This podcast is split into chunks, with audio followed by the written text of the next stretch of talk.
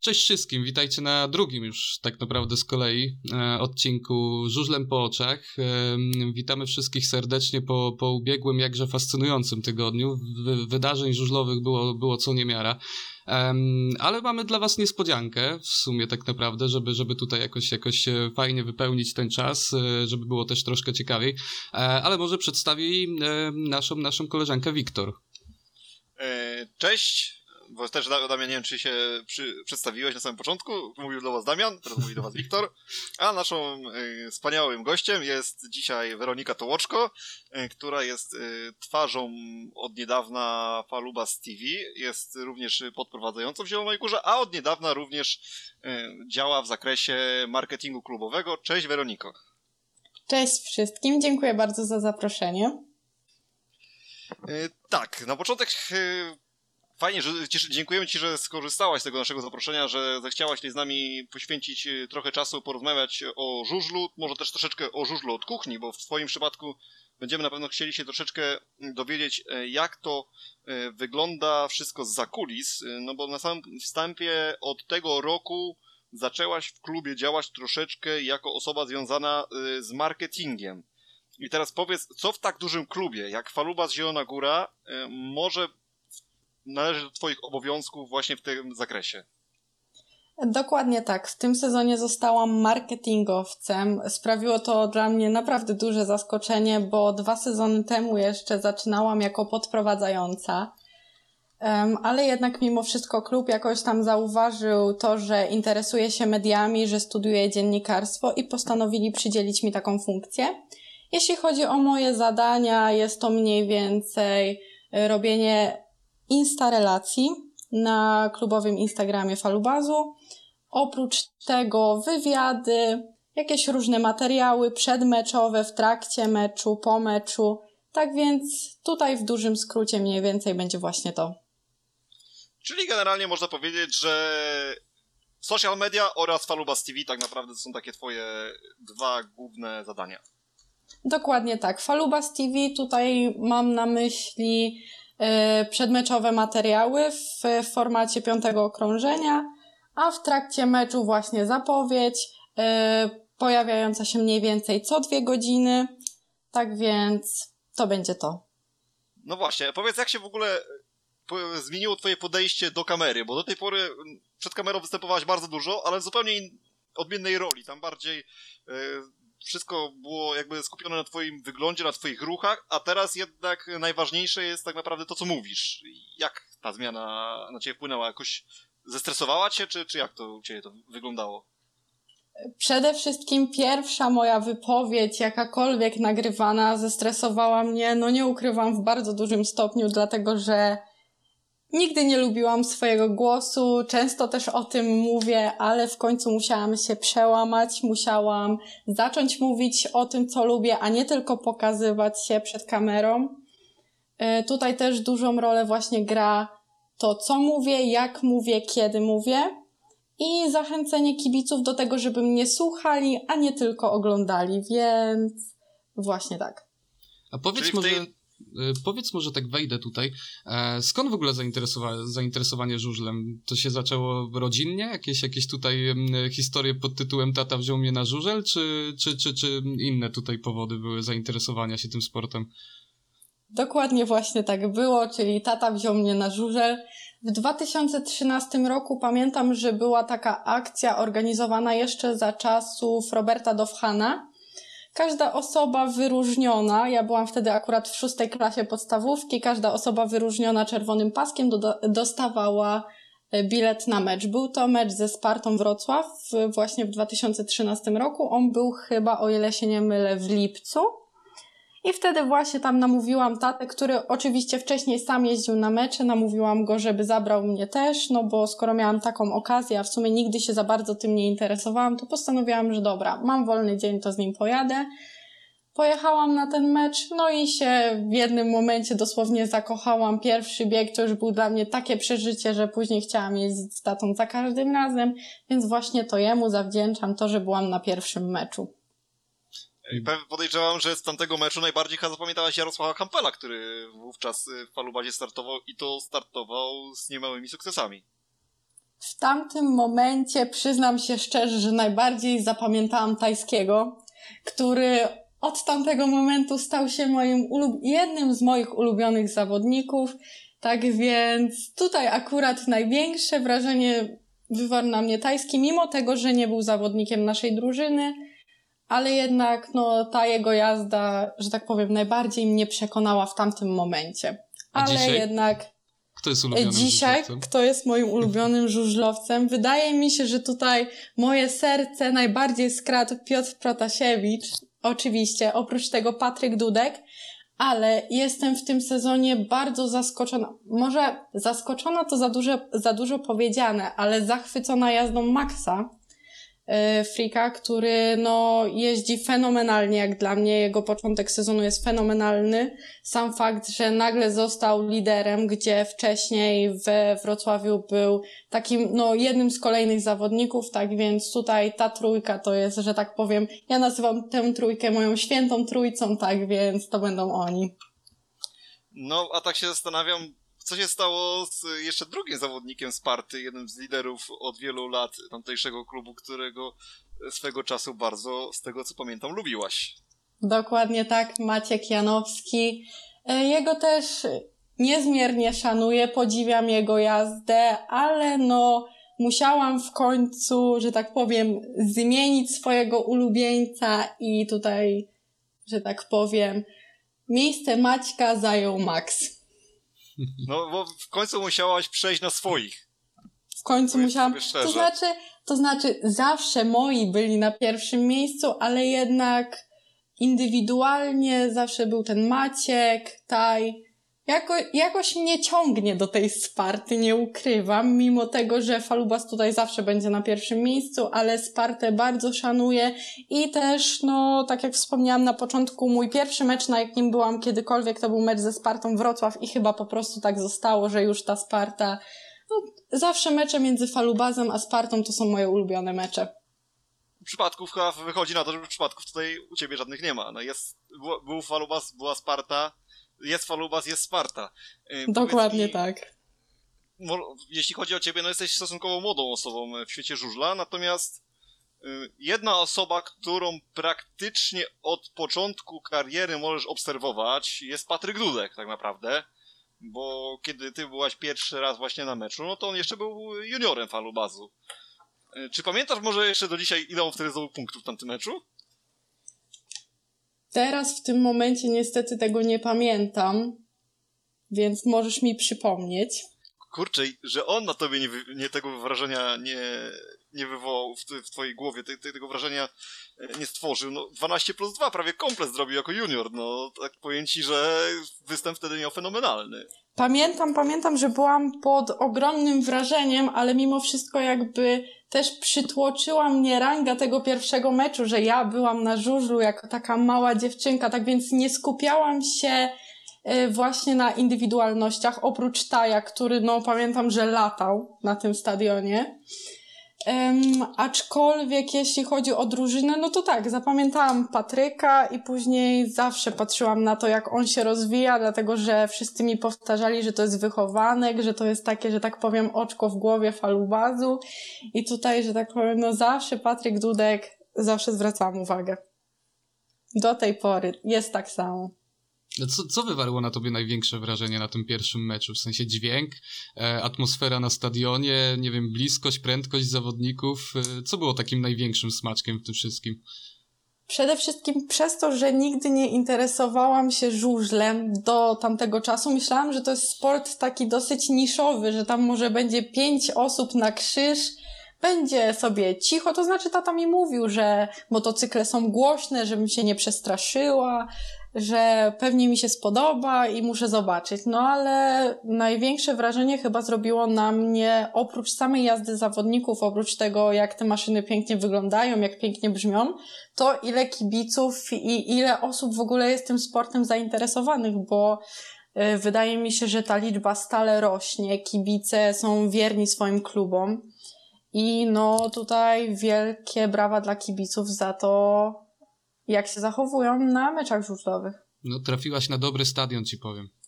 jeżeli chodzi Zdecydowanie o Trybuna K w Zielonej Górze oczywiście najlepsza. Ja ci tak. powiem, mało tego, do, do, trafiłaś w dobry klub, ale jeszcze do tego w dobrym momencie. Przecież 2013 rok to był y, rok, kiedy Faluba zdobywał Mistrzostwo Polski, kiedy Jarosław Kampel no, u siebie był niemal niepokonany. On tam komplety to, można powiedzieć, y, robił jak na zawołanie. Y, Patryk Dudek wturował, był przecież Piotr Protasiewicz, był Andreas Jonsson, no to była naprawdę fajna paczka, szczególnie musimy sobie przypomnieć, że to Andreas Jonsson w tych dobrych, w swoich dobrych latach, bo wie, niektórzy mają być może teraz y, w głowie zakodowane te ostatnie sezony y, tego Szweda, który no, ostatnie tam 2-3 lata no naprawdę nie, no nie szło mu w, już w, w tej lidze.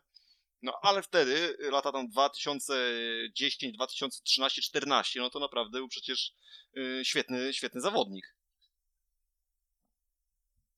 Dokładnie tak, to jest prawda. Ja pamiętam, że właśnie jeśli chodzi o Jarosława Hampela czy nawet Andreasa, ja byłam zdumiona tym, jak ci zawodnicy w ogóle mogą tak świetnie błyszczeć na tych motocyklach, a rok 2013 naprawdę pamiętam ten finał.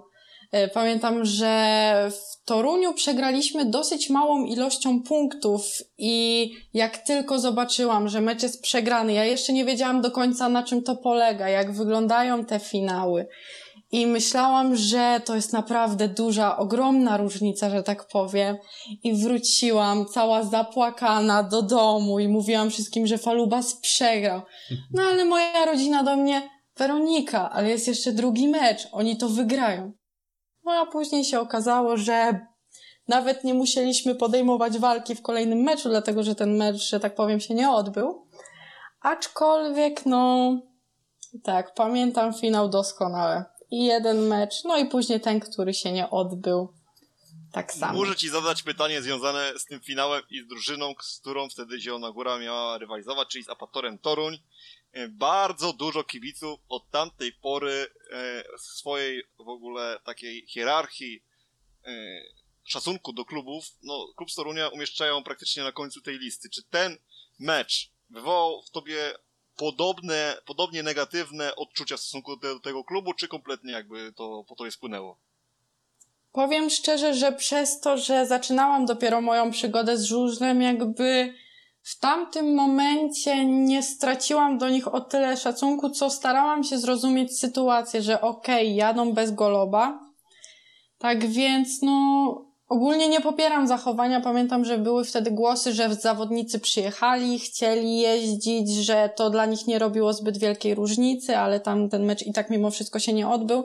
Ale teraz, jeśli patrzę na to prze, yy, przez bieg całego tego czasu, to wydaje mi się, że to było po prostu nie fair w stosunku przede wszystkim do kibiców, do przeciwnej drużyny, tak więc no ja tego teraz w tym momencie w ogóle tego nie popieram i nawet nie staram się znaleźć żadnego tłumaczenia na takie coś. No nie powinno się tak wydarzyć, gdyby nie daj Boże jakakolwiek inna drużyna jechała bez swojego lidera, no to tutaj po prostu coś takiego nie powinno się wydarzyć. No, zgadzam się z tą jak najbardziej, bo sytuacja była, powiedzmy sobie, bez precedensu. A tak jeszcze się zastanawiam, byłaś na stadionie raz, drugi, trzeci, powiedzmy, jeszcze jako bardzo młoda dziewczyna. Czy do taty padło pytanie, co to są za panie te tam, które stoją przed żużlowcami? Um, czy do taty padło takie pytanie? To było tak, że tutaj nawet nie było pytania. Za każdym razem, jak tylko je widziałam, to szłam zrobić sobie z nimi zdjęcie, bo zawsze mówiłam, że pięknie wyglądają, że mają przepiękne stroje, że w przyszłości też chciałabym robić coś takiego. Mimo, że wyglądałam wtedy całkowicie nie tak, jak wyglądam teraz, jednak czas robi swoje, ale pamiętam, że zawsze było tato, tato, pójdźmy do podprowadzających, bo one tak pięknie wyglądają, ja też tak chcę wyglądać. No i, co? I ziściło się to? Twoje marzenie? Też, też tak wyglądasz? Czy tak wyglądam, to nie mi to oceniać, ale jednak mimo wydaje, mimo tego wydaje mi się, że chyba może troszeczkę tak, skoro w 2019 roku też podprowadzającą zostałam, tak więc może trochę je przypominam. Damian, zobacz, jak, zobacz, y, Weronika jest dalej młoda, ale już zobacz, jak się tej dyplomacji nauczyła. Słuchaj, to, to, tego się uczysz ca całe życie tak naprawdę, wydaje mi się. Ale, ale tak, już wiemy, że, e, że żużel jakby pojawił się dzięki tacie, że zauroczenie się i e, żużlowcami i podprowadzającymi też się pojawiło naturalnie, no to jak tak naprawdę zostałaś podprowadzającą? Jak, jak do tego doszło tak naprawdę? Jak do tego doszło? Doszło do tego w ten sposób, że od 2015 roku, kiedy byłam e, w wolontariacie, najpierw to się nazywało szkolne koordynatorstwo, później drużyna F, za każdym razem, jak spotykałam podprowadzające, rozmawiałam sobie z nimi i w pewnym momencie, czy to Jagoda, Urban, Asia, Trainis, Paulina Pospieszna, mówiły mi, że jak tak bardzo mi się to podoba, to żebym za kilka lat przyszła, spróbowała, że nic, że tak powiem, mi nie szkodzi. No i przez to, że tak powiem, wychowywałam się razem z Falubazem, dlatego że tutaj właśnie ten wolontariat. W pewnym momencie uznałam, że dobra, jak tylko skończę te 18 lat, zgłoszę się i wtedy zobaczymy, czy w ogóle mi się uda. Zgłosiłam się, przeszłam pierwszy etap, później był casting. Odbywał się z tego co pamiętam w hotelu Ruben, było około 15 dziewczyn. Musiałyśmy najpierw przejść z tabliczką, później było kilka, e, kilka pytań do nas. E, no i całe jury, że tak powiem, decydowało o tym, ile dziewczyn przejdzie, które dziewczyny przejdą. Nie ukrywam, że zjadała mnie straszna trema. Powiem szczerze, że czułam się strasznie przed samym castingiem, dlatego że tak mi zależało, no po prostu dramat. Ale jednak okazało się, że nie miałam się czym stresować.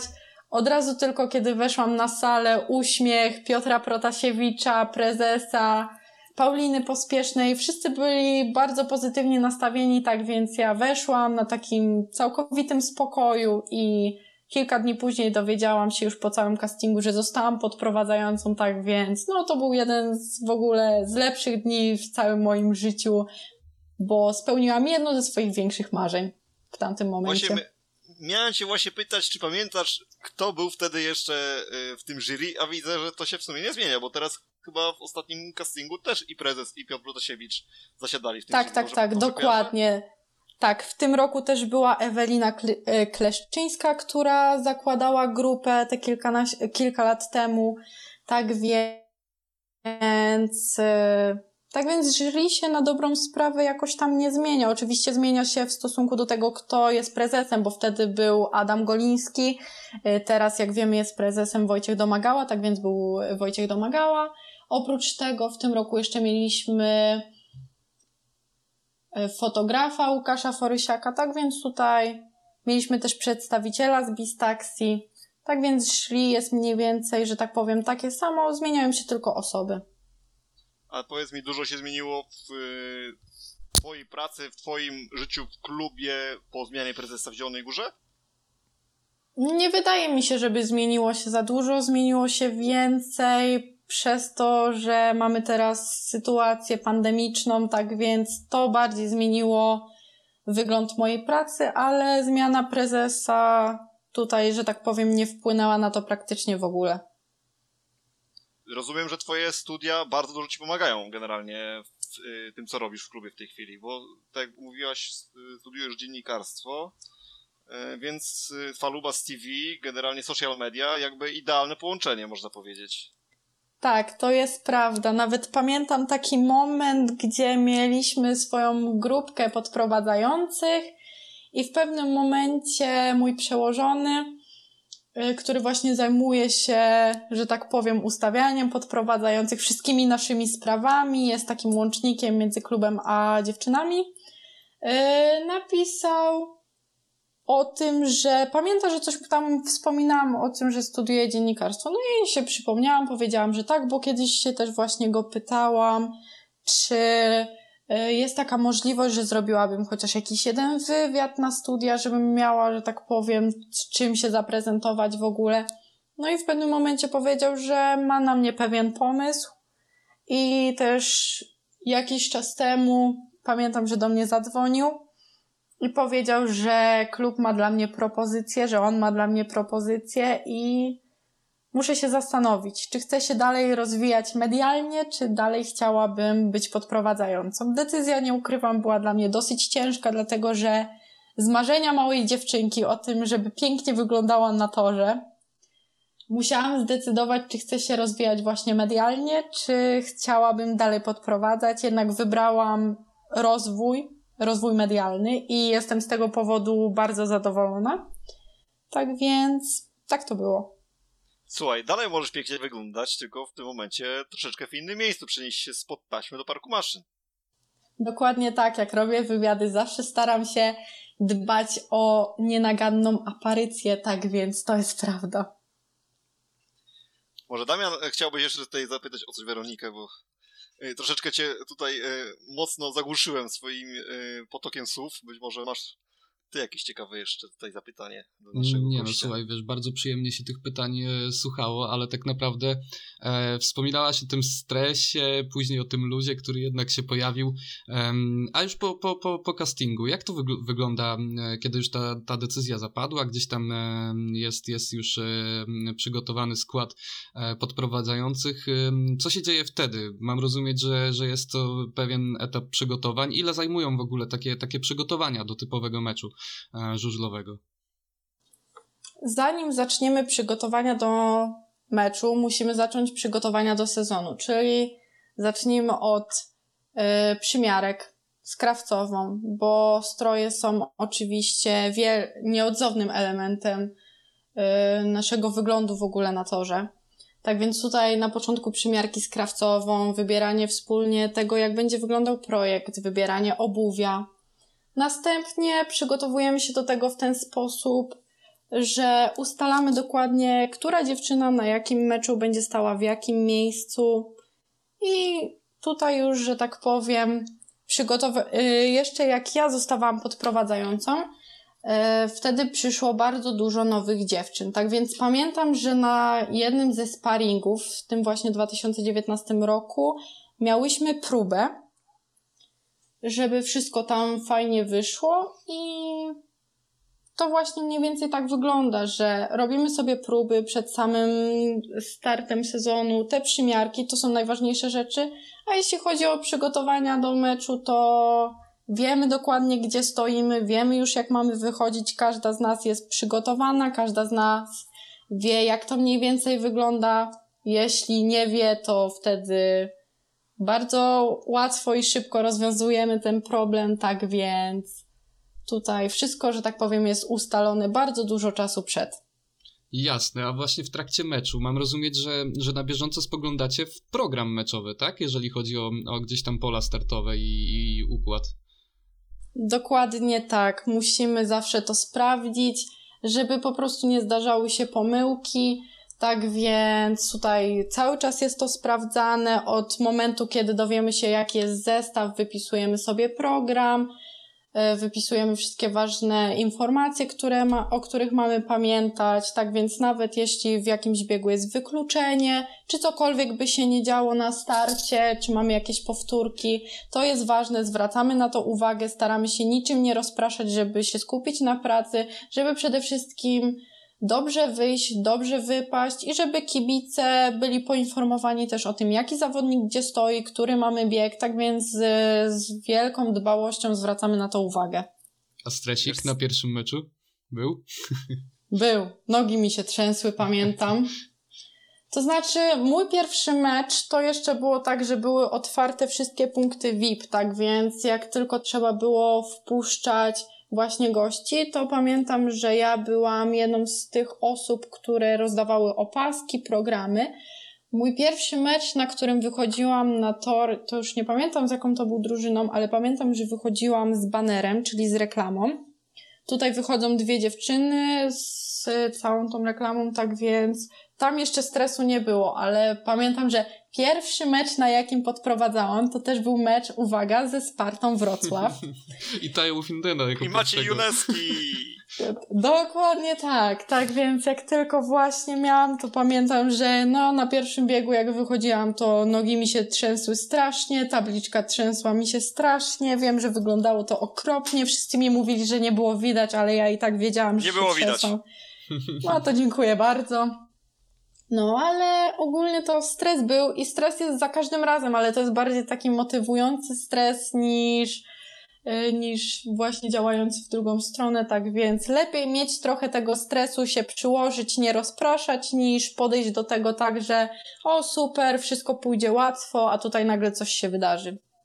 Ja muszę jeszcze wrócić do twojej wypowiedzi, kilka wypowiedzi wcześniej mówiłaś o tym przymiarkach, które przed sezonem się odbywają, o dobiorze obuwia, no i jak już jesteśmy na tym obuwiu, no to ja nie mogę ciebie nie zapytać o sytuację. Podczas jednego z meczów zgubiłaś obca w swoim bucie, a mimo to poruszała się tak, jakbyś go miała. Weź troszeczkę może opowiedz o tej sytuacji. Dokładnie tak. To były zawody juniorskie, z tego co pamiętam. To już akurat nie, była, nie były mecze ligowe. Aczkolwiek sytuacja była taka, że tor był dosyć przyczepny i w jednej kolejnie zgubiłam obcas. Obcas mi się po prostu od buta odczepił. Na szczęście kierownik startu to zauważył.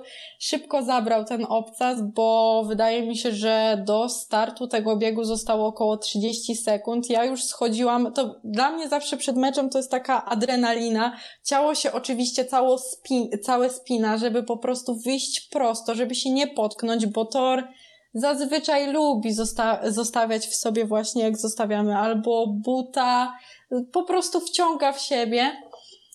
I pamiętam właśnie, że ten obcas na szczęście został znaleziony i sytuacja jakoś została uratowana, ale do końca, do końca tego spotkania już nie chciałam, że tak powiem, robić żadnej afery wokół tego, bo też uznałam, że spokojnie, bez problemu dam radę wyjść bez obcasa, tak więc nawet tego nie było widać nikt by w sumie tego nie zauważył, e, tylko ja po prostu tam powiedziałam fotografowi, żeby zrobił mi zdjęcie, jak stoję na tym torze, żebym miała pamiątkę i właśnie później to zdjęcie, jak tylko zostało zrobione, wtedy dużo osób to zauważyło i właśnie dostałam dużo fajnych w ogóle komentarzy. Myślałam, że ktoś nam napisze, że jak można zgubić obcas, a ja dostałam właśnie dużo pozytywnych komentarzy, że fajnie, że sobie poradziłam z tą sytuacją i że fajnie, że tak profesjonalnie do tego podeszłam. Ja to nawet bym mogła bez buta wychodzić, żeby tylko po prostu całe zawody odbyły się w 100% na poziomie, no ale jak widać dałam radę.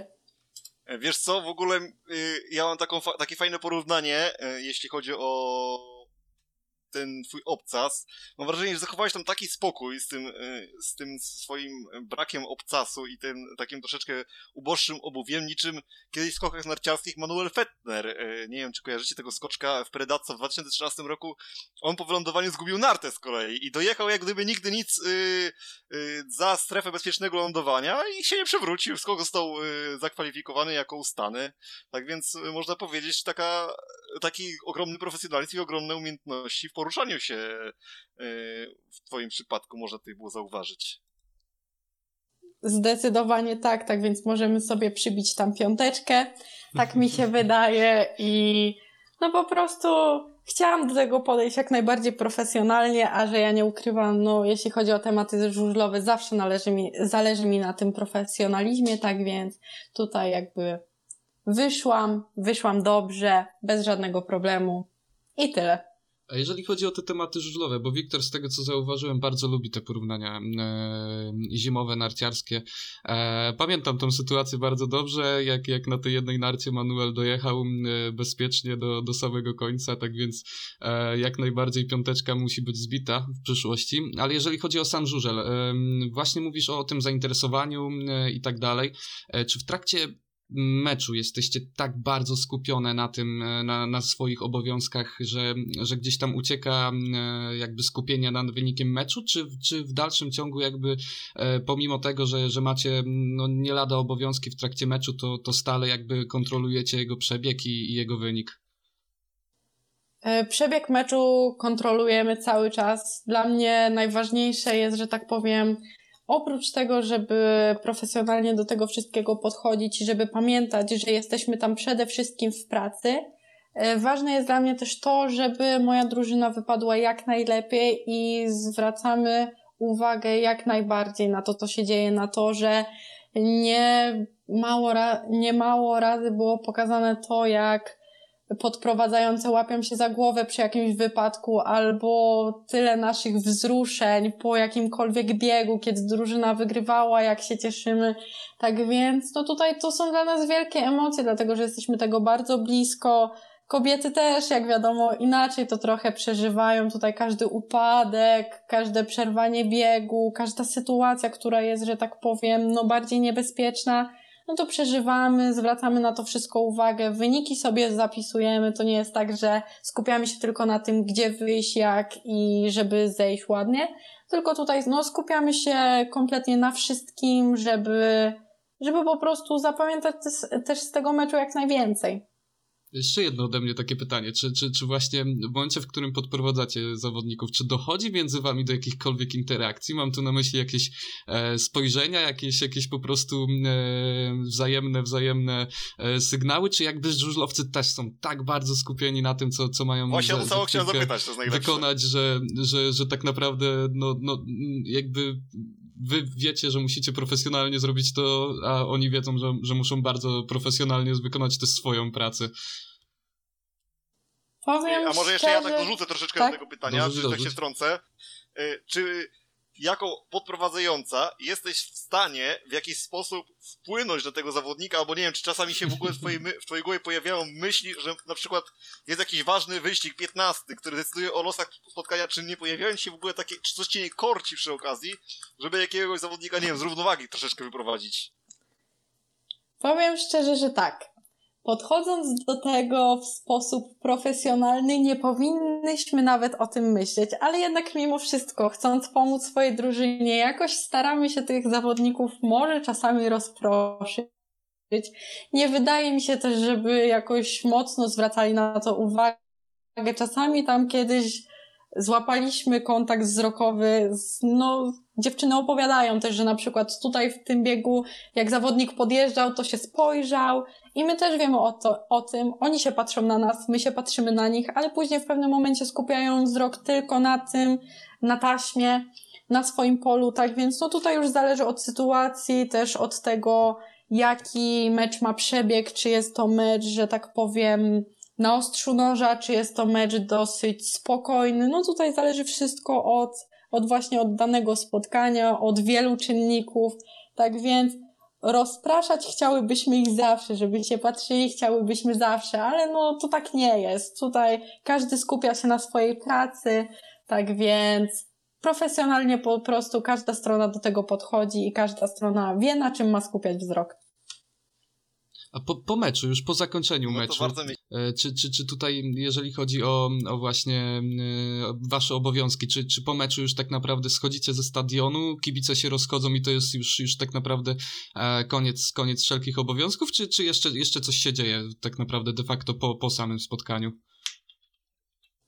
Po samym spotkaniu na pewno pierwszą czynnością, jaką wykonujemy, to przebieramy się i później mamy ten czas dla siebie, żebyśmy mogły porozmawiać o tym spotkaniu, żebyśmy mogły y, wszystkie swoje spostrzeżenia, wszystko to, o czym chciałybyśmy porozmawiać, żebyśmy mogły między sobą wymienić, czy jakkolwiek, czy coś poszło nie tak, czy coś było super. Za każdym razem razem się cieszymy lub razem przeżywamy jakiś mecz, rozmawiamy właśnie o tych wszystkich sytuacjach, które wydarzyły się na torze i które albo możemy poprawić, albo które były super po danym meczu, tak więc tak więc zawsze pierwszą rzeczą, jaką robimy razem, to rozmawiamy o danym właśnie spotkaniu.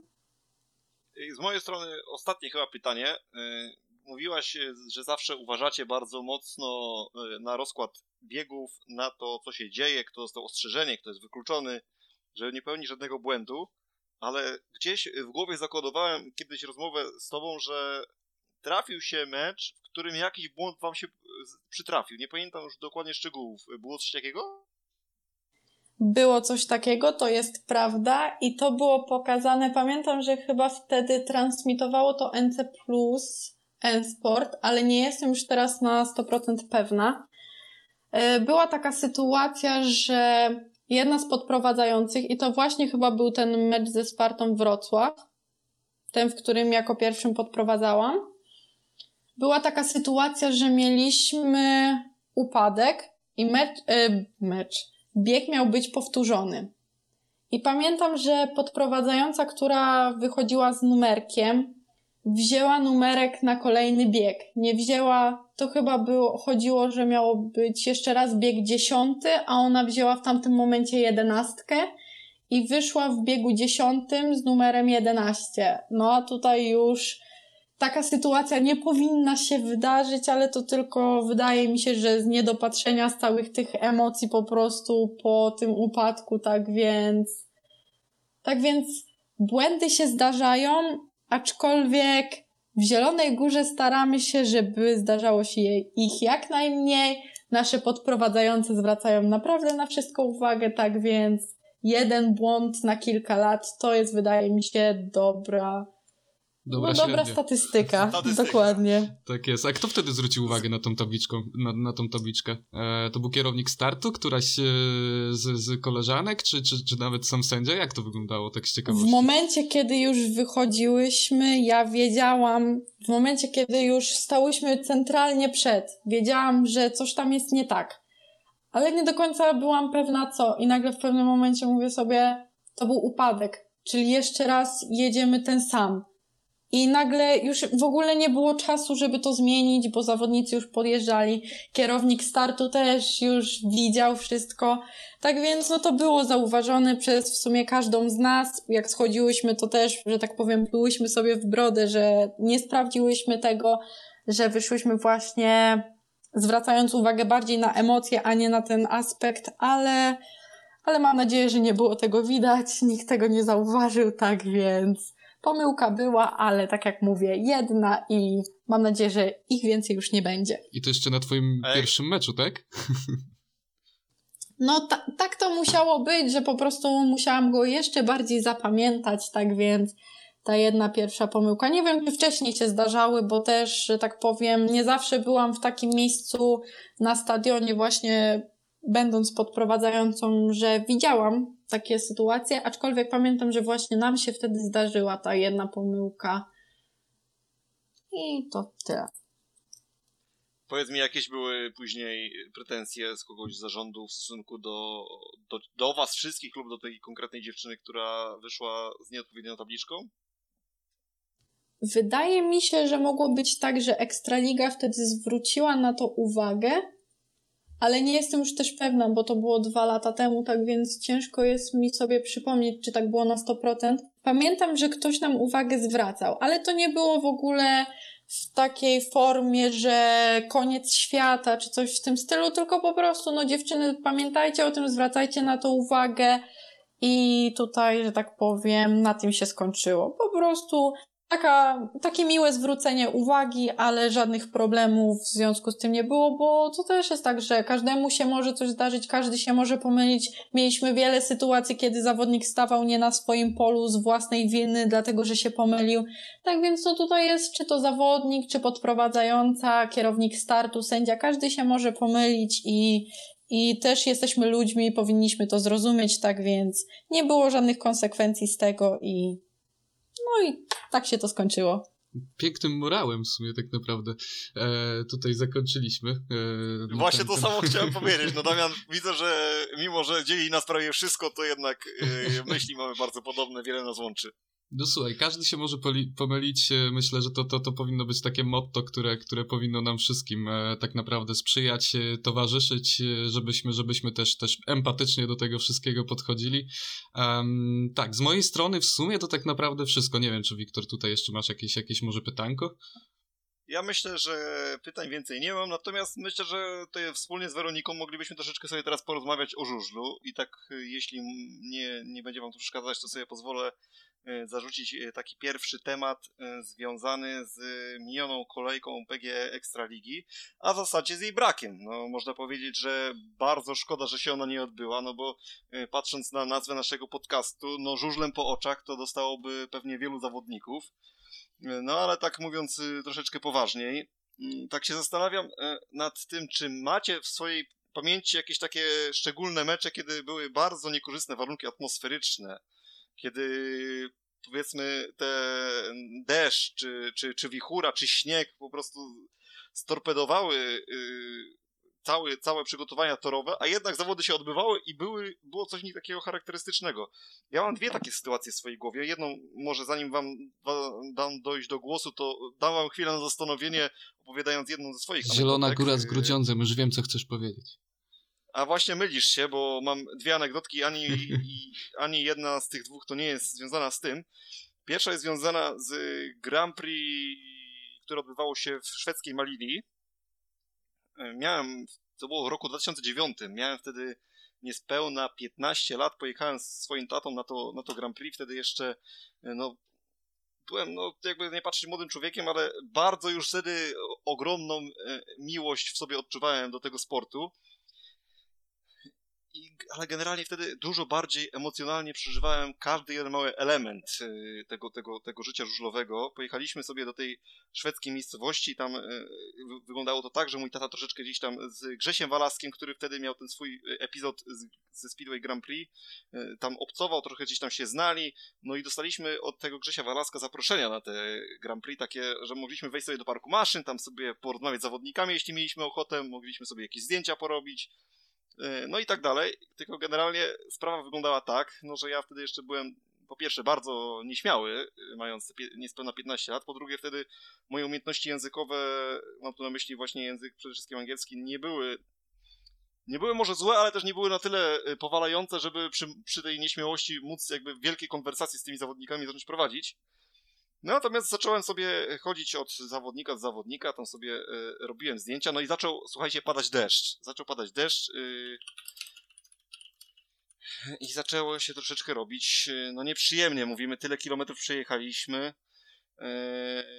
No i teraz co my z tym wszystkim generalnie, co my z tym wszystkim generalnie zrobimy? No, czy, czyżby Grand Prix się miało nie odbyć? No bo uwierzcie mi, że to nie była, nie były opady deszczu E, jakieś tam delikatne, tylko to kurcze opady, no wręcz bym powiedział skandalicznie duże. To były naprawdę no, taka, taka ulewa jakby przyszła burza i to nie trwało tam 15 minut, tylko trwało to bardzo długo.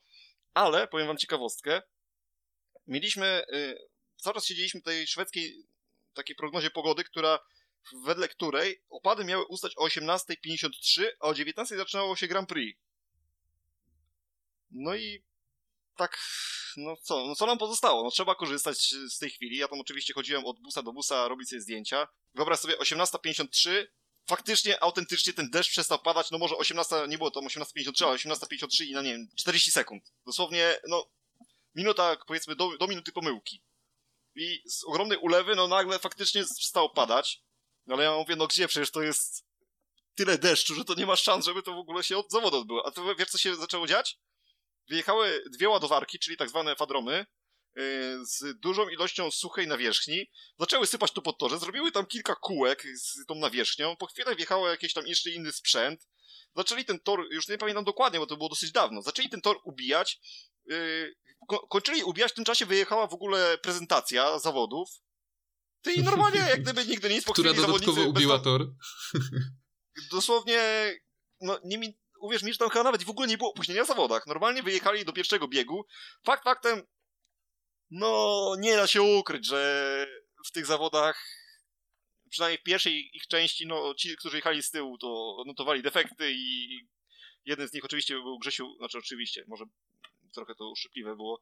E, niestety jeden z nich był właśnie Grzegorz Walasek, który też tam gdzieś te, ten defekt e, zanotował, jeden czy nawet dwa z tyłu. A nie, nie ma co ukrywać, no byliśmy na jego zaproszenie, z całego serca mu kibicowaliśmy, byliśmy tam we czwórkę.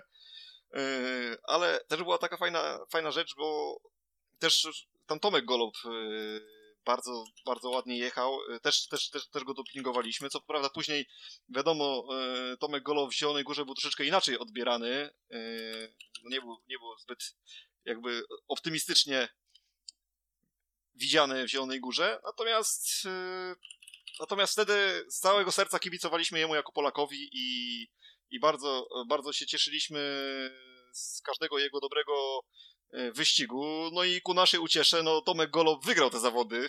E, także to było w ogóle fantastyczne wydarzenie, pojechać jednak tyle kilometrów, bo to było... I usłyszeć no nie, nie polski hymn na koniec.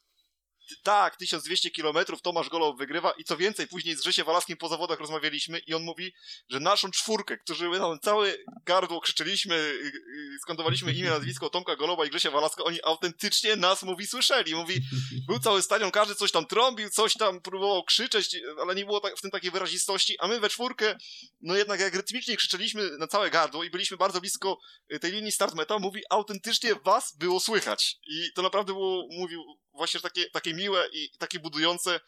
No i do dzisiaj tego nie za... no nigdy chyba tego nie zapomnę, bo fa... to było naprawdę fajne przeżycie dla takiej osoby, e... która no wtedy miała 15 lat. I teraz y, Przepraszam, że tak długo, że tak trochę wydłużyłem, ale myślę, że mieliście wystarczająco czasu, żeby się zastanowić nad tym, jakie wy zawody w takich właśnie trudnych warunkach najbardziej zapamiętaliście. Znaczy ja ci powiem, że, że tak naprawdę tutaj nawet y, byśmy mogli zacząć dysputę na temat y, przygotowania torów y, polskiej Ekstraligi, szwedzkiej Elitserien i tak dalej, ale, ale myślę, że, e, że to może się pojawić w którymś z następnych odcinków. Ja ci powiem, że, że jeżeli chodzi o, o takie warunki e, ekstremalne, e, które wydaje mi się się, że, że dość mocno gdzieś e, później zaważyły na nawet regulaminie Ekstraligi. To był mecz właśnie derby e, półfinału, o ile mnie pamięć nie myli, kiedy, kiedy tutaj wygrywaliśmy bodajże już ośmioma punktami e, nad, nad, nad falubazem Zielona Góra w Gorzowie. Nagle deszcz po prostu, to jest mało powiedziane, to był po prostu huragan, wichura totalna, mecz został przerwany po ósmym biegu i po tym, po tym dopiero właśnie meczu um, zmieniono regulamin, że, że w meczach e, jednak playoffów e, powinno, po, zespół gospodarzy powinien odjechać trochę więcej biegów na swoim, swoim własnym e, torze, ponieważ gdzieś tam, gdzieś tam cierpi na tym punktowo jest mniejszy handicap swojego toru. E, no tylko szkoda, że to było akurat po tym, e, po, po tym, po tym sezonie, ponieważ e, pamiętam, że się zrehabilitowaliście u, u siebie bardzo, bardzo wyraźnie, bardzo, bardzo dobrze i, i tak, jeżeli chodzi o takie kwestie pogodowe, to, to mi gdzieś tam zapadło w pamięci. Też swoją drogą tata mi często opowiadał o turnieju mikołajkowym, bodajże w Pile. On się odbywał co roku, to była, to była taka, taka gdzieś tam tradycja i, i turniej odbywał odbywał się w zimą, e, w śniegu tak, tak naprawdę, tak, w grudniu bodajże. Odgarniany był śnieg i, i w sumie tak naprawdę nikt nie narzekał, każdy, każdy jechał. Symboliczne nagrody, z tego co pamiętam, tam nie było, nie było żadnych, żadnych wielkich bonifikat e, z tego, z tego tytułu, ale liczył się, liczył się start, liczył, liczyła się gdzieś tam radość z tej jazdy.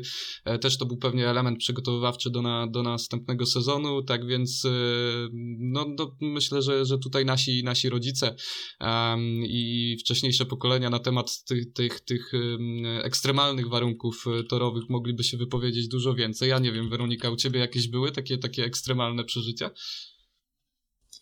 Czy ekstremalne przeżycia to do końca nie wiem, ale na pewno przypominam sobie mecz z, z, z zeszłego roku, 9 e, października. E, to był mecz półfinałowy.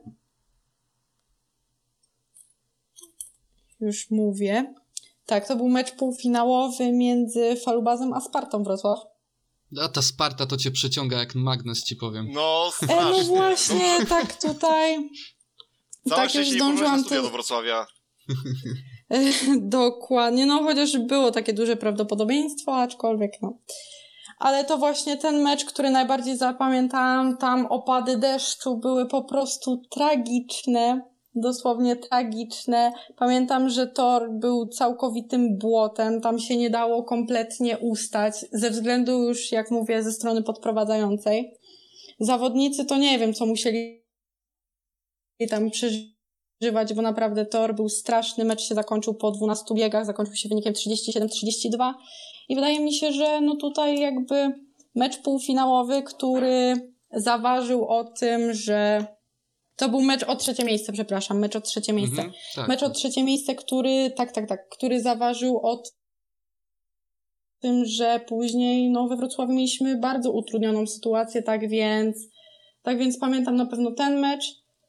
Pamiętam jeszcze ten też mecz wyjazdowy, y, mecz w Gorzowie, to był 2 września, o ile się nie mylę. Tak samo w tamtym roku też jechaliśmy z obawą, że opady deszczu mogą wystąpić, no i się nikt nie pomylił. Opady deszczu były okropne. Nie wiem, Damian, czy pamiętasz mecz w tamtym roku, 2 września? Mm, tak, tak, jak najbardziej. Tak, tak, tak, tak, więc tutaj też właśnie mieliśmy te opady deszczu.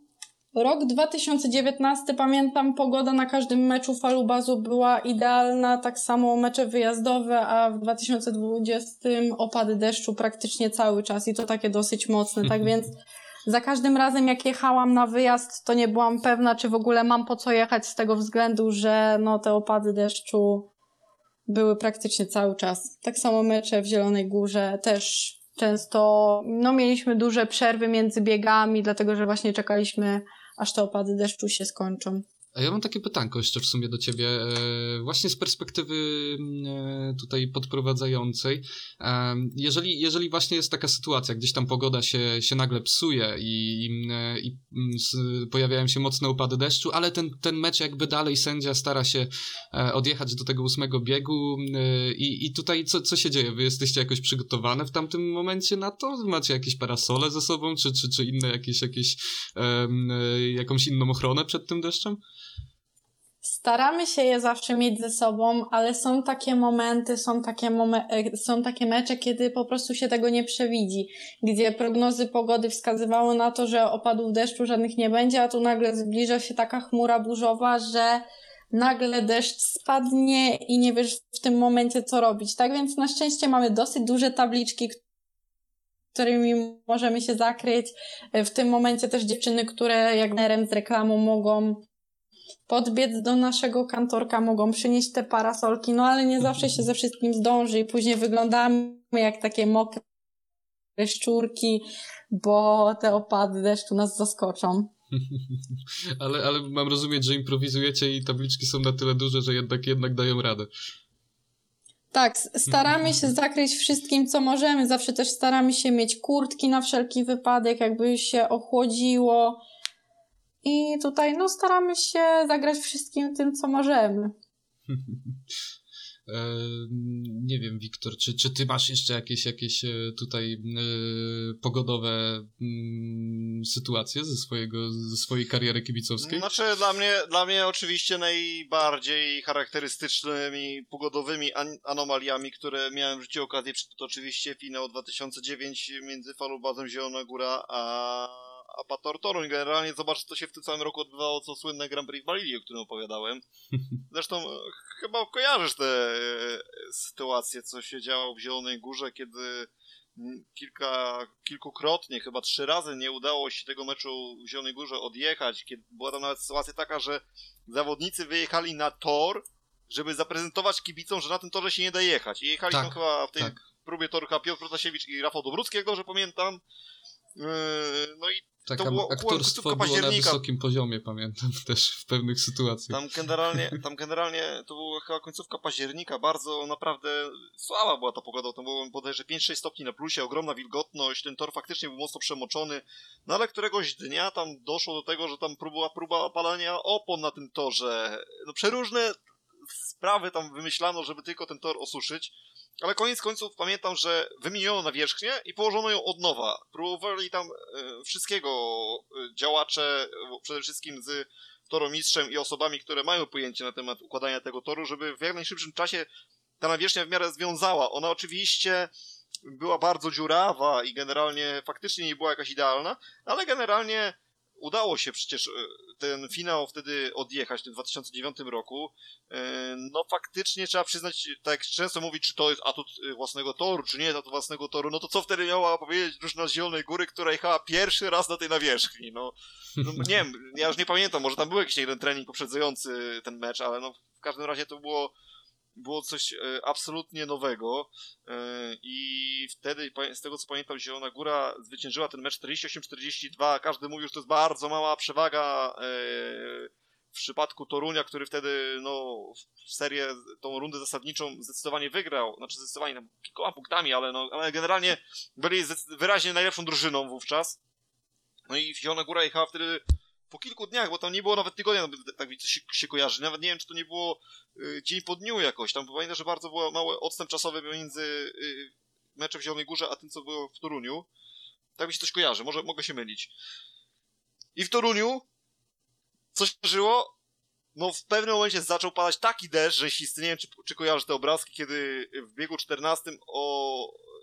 Bieg 14 był bardzo ważny w kontekście właśnie Mistrzostwa Polski i w tym momencie tam jechał Iversen y, ze strony Zielonej Góry, bo wykluczony bardzo kontrowersyjnie wtedy został chwilę wcześniej Rafał Dobrucki, a ze strony y, Torunia jechał Wiesław Jagoś i Adrian Miedziński. I była sytuacja, że Puk Iversen musiał chyba wtedy przyjechać co najmniej drugi, żeby Falubas wygrał, y, zdobył Mistrzostwo Polski. Tak mi się coś kojarzy, taka była sytuacja. I mimo tego, że było zupełne błoto na torze, że teoretycznie tam na trasie nie miała prawa pojawić się ani jedna mijanka. Tam bodajże chyba dwa albo trzy razy y, Iversen i Jakuś zmienili się pozycjami na pozycji y, drugiej i trzeciej, bo jechali we trójkę, bo Dobrucki, tak jak wspomniałem, był wykluczony. No i w tym momencie wszedł do akcji Adrian Midziński, który na prowadzeniu, no, złapał uścisk, przewrócił się i już nawet nie było potrzeby kontynuowania tego meczu, no bo już każdy wiedział, kto będzie mistrzem Polski, a tor stało się coraz bardziej mokry, więc byłoby jeszcze bardziej niebezpiecznie. Waluba został wtedy mistrzem Polski po wielu, wielu latach przerwy. E, no i tego dwumeczu nie zapomnę nigdy, bo to naprawdę było, to te warunki atmosferyczne tam naprawdę y, odegrały bardzo ważną y, rolę, jeśli chodzi o, o cały scenariusz tego finału. No taki jest ten sport w sumie tak naprawdę. W innych dyscyplinach e, halowych lub, lub e, nie, jakoś odgrywa on, on e, drugo, drugorzędną rolę, a w żużlu mimo wszystko jesteśmy skazani na te, na te warunki e, pogodowe, jesteśmy od nich zależni. Są różne pomysły, są plandeki, e, gdzieś tam inne jeszcze, jeszcze metody, które nie są do końca wprowadzane, nie wiadomo czemu. E, cały czas, cały czas to wszystko jest w etapie planowania. myślę, że coś, coś trzeba by było z tym zrobić, bo, bo, bo jesteśmy aż nazbyt jak na XXI wiek y, zależni od tej pogody, chociaż, chociaż w sumie z pogodą też, też nikt, z żywiołem nikt nie wygra. Um, ja mam takie pytanie do ciebie, Weronika, czy ty jeździłaś e, w trakcie, w trakcie swojej kariery już kibicowskiej e, na, na turnieje Grand Prix? Byłam, byłam na turniejach Grand Prix. Pamiętam, że pierwszy na jakim byłam to była Warszawa i teraz nie jestem pewna, czy to był 2017 czy 2018 rok ale pierwszy na jakim byłam to była na pewno Warszawa, byłam też w Toruniu i byłam w Gorzowie. Na zagranicznych nie byłam nigdzie. Dlatego, że, że tak powiem, nie miałam za bardzo kiedy i z kim. A jak już zaczęłam mieć kiedy i z kim, aha, jeszcze byłam oczywiście we Wrocławiu. To też mi się właśnie przypomniało. To był ostatni, na jakim byłam i to był chyba rok 2019. Jasne. No tak a Damian, a, a ty? Ja, no w tamtym, w tamtym roku miałem wyjątkowo e, szalony, szalony e, tak naprawdę sezon. Dwa razy Praga, dwa razy Toruń, dwa razy, nie, raz Gorzów, przepraszam najmocniej. E, we Wrocławiu się nie pojawiłem. Były otwarte trybuny we Wrocławiu, tak swoją drogą, nie pamiętam już nawet.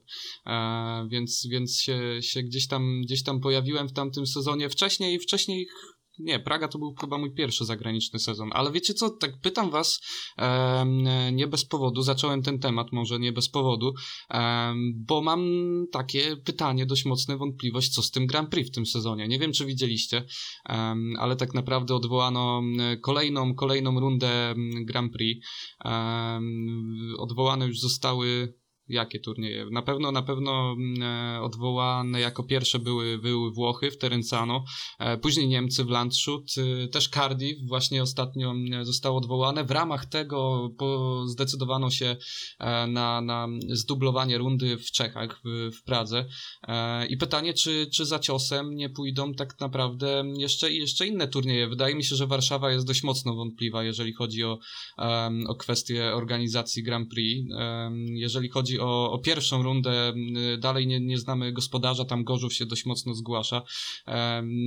Mi się wydaje tak naprawdę, że to się skończy znowu takim, takim skróconym sezonem e, z podwójnymi turniejami w trzech, czterech lokalizacjach. Mi się osobiście wydaje, że jeśli chodzi o Polskę, to jest najbardziej prawdopodobne, że tutaj najwięcej mogłoby się odbyć. Ta Warszawa, jak dla mnie, też jest bardzo wątpliwa.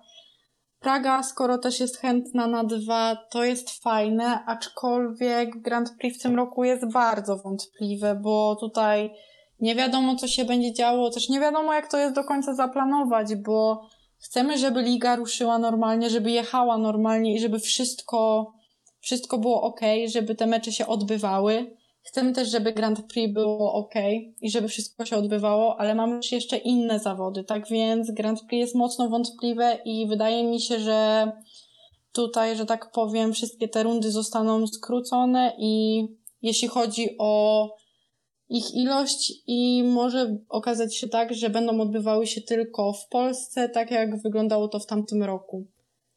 Że mieliśmy podw- w podwój, w podwójne dni, jeśli chodzi o tak, te rundy. Tak, tak, tak. No ta, ta, ten, ten Wrocław, no Praga jeszcze, jeszcze się pojawiła. E, tak, właśnie, tak, tak. Właśnie, właśnie Praga to też, to też jest fajne, że pojawiła się podwójna Praga, aczkolwiek niczego więcej się nie spodziewam i na nic więcej nie liczę z tego względu, że skoro one już są tak odwoływane, tak więc może się okazać, że będą odwoływać do końca. Mhm. Mi się wydaje, A nie że... wydaje wam się to mhm. wszystko troszeczkę takie bez sensu, patrząc chociażby na to, że teraz mieliśmy w miniony weekend chociażby Grand Prix Formuły 1, które bez przeszkód się odbyło, y, gdzie mieliśmy przecież y, taki ciekawy wynik, że dwóch y, Brytyjczyków stanęło na podium, no, czy, no generalnie poka- można zobaczyć, że w, w, chociażby właśnie po Formule 1 jako innym sporcie motorowym, że jednak te zawody mogą się odbywać. E, I teraz pytanie, no wiadomo, że bardzo ważny jest tutaj czynnik kibiców. No ale czy w Formule 1 jednak też się nie patrzy czasami na tego kibica? No przecież na, na zawody Formuły 1 potrafi przychodzić dużo więcej fanów niż na zawody Speedway Grand Prix. Także no, no jak, jak wy to oceniacie? E, ja też mogę podać przykład tego, że w maju w Polsce odbywa się finał Ligi Europy, na który, za, na który zakwalifikowałam się na wolontariat. I tutaj mimo tego, że kibiców nie będzie, bo wydaje mi się, że UEFA o, już jeszcze nie bądź taka pewna, bo z tego, z, za kulisami wiem, że jest jeszcze walka o to. Jest walka i w to nie wątpię, bo w każdym sporcie jest walka o to, żeby kibice się pojawiali, ale z tego, co na razie mi wiadomo, tych kibiców ma nie być. Ja uważam, że powinni, ale to już, że tak powiem, nie jest moja decyzja i sama czekam na informacje, czy będą. Ale na razie słyszymy o tym, że ich nie będzie. Tak więc, no tutaj ten finał Ligi Europy odbywa się normalnie, od, niezależnie od tego, czy kibice będą, czy nie. Tak więc, no, Grand Prix też moim zdaniem powinno się odbywać normalnie. No Liga też może teraz jechać normalnie bez kibiców, mimo tego, że tych kibiców chcemy, chcemy ich wpuszczać, wolelibyśmy, żeby byli, ale no sport ma, być, ma się też odbywać normalnie i mamy pokazać to, że sport będzie się odbywał normalnie i w momencie, kiedy będzie się odbywał, wtedy większe prawdopodobieństwo, że kibice w ogóle będą mogli wejść, bo będą mieli na co wejść. A odwołując w tym momencie rundy, no to nie mają na co wejść, więc, więc nie ma też takiego oparcia na kibiców w pewnym momencie to jest ta kwestia też, też opłacalności, bo, bo mm, sama organizacja turnieju wydaje mi się, że, że jest, jest dość, dość droga, a nie ma, nie ma żadnego, jeżeli nie będzie sprzedaży biletów i zysków z, z biletów, e, to zbytnio nie ma chyba chętnych tak na dobrą sprawę do, do organizacji tego turnieju. E, w formule wydaje mi się, że pieniądze są dużo inne i, i tutaj sami sponsorzy, sam kontrakt telewizyjny pewnie opiewa na takie, takie kwoty, że, że nawet żużlu e, nikomu się nie śni o, o takich, takich pieniądzach. E, więc nie wiem, wydaje mi się, że ten Gorzów też zwleka w pewnym sensie na, na tą decyzję odnośnie kibiców, czy, czy, czy się jednak pojawią e, kibice na, na, na trybunach, czy nie. Tak więc, e, no, no tak, no to, też, też właśnie czekamy, czekamy na to, kiedy, kiedy ta decyzja zostanie podjęta, kiedy, kiedy będziemy mogli wrócić na, na trybuny, dostać tym żużlem po oczach. Nie, nie jeden z nas funkcjonuje tak naprawdę na co dzień dzięki właśnie temu, że ma, że ma dookoła siebie e, sport. E, no nie wiem, nie wiem, mi się wydaje, że to się skończy takim, takim rozwiązaniem, że tak naprawdę właśnie tych trzech, e, czterech organizatorów się znajdzie, odbędą się podwójne rundy, razem osiem rund, troszkę okrojony, troszkę niepełnoprawny ten turniej, ale, ale lepsze chyba to niż nic, co? Jak wam się wydaje? Powiem ci tak. No oczywiście, zawsze będzie wszystko lepsze niż nic, bo jednak te Speedway Grand Prix też ma swój klimat, też jednak zawsze jakieś emocje w nas wyzwala. No szczególnie, że w ostatnich dwóch latach Bartosz Marzik zdominował te rozgrywki, więc myślę, że dla nas Polaków ma to jakieś takie szczególne znaczenie, te rozgrywanie tych, tych zawodów. No bo gdyby się w ogóle nie odbyły, no to jakby no, trzy lata z rzędu Bartek Zmarzlik nie, nie miałby szansy zostać mistrzem świata, patrząc na jego formę rozgrywkach ligowych. No, śmiało można powiedzieć, że jest faworytem tych, tych zawodów. Na Pragę też najechał i nie wziął żadnych jeńców, nie?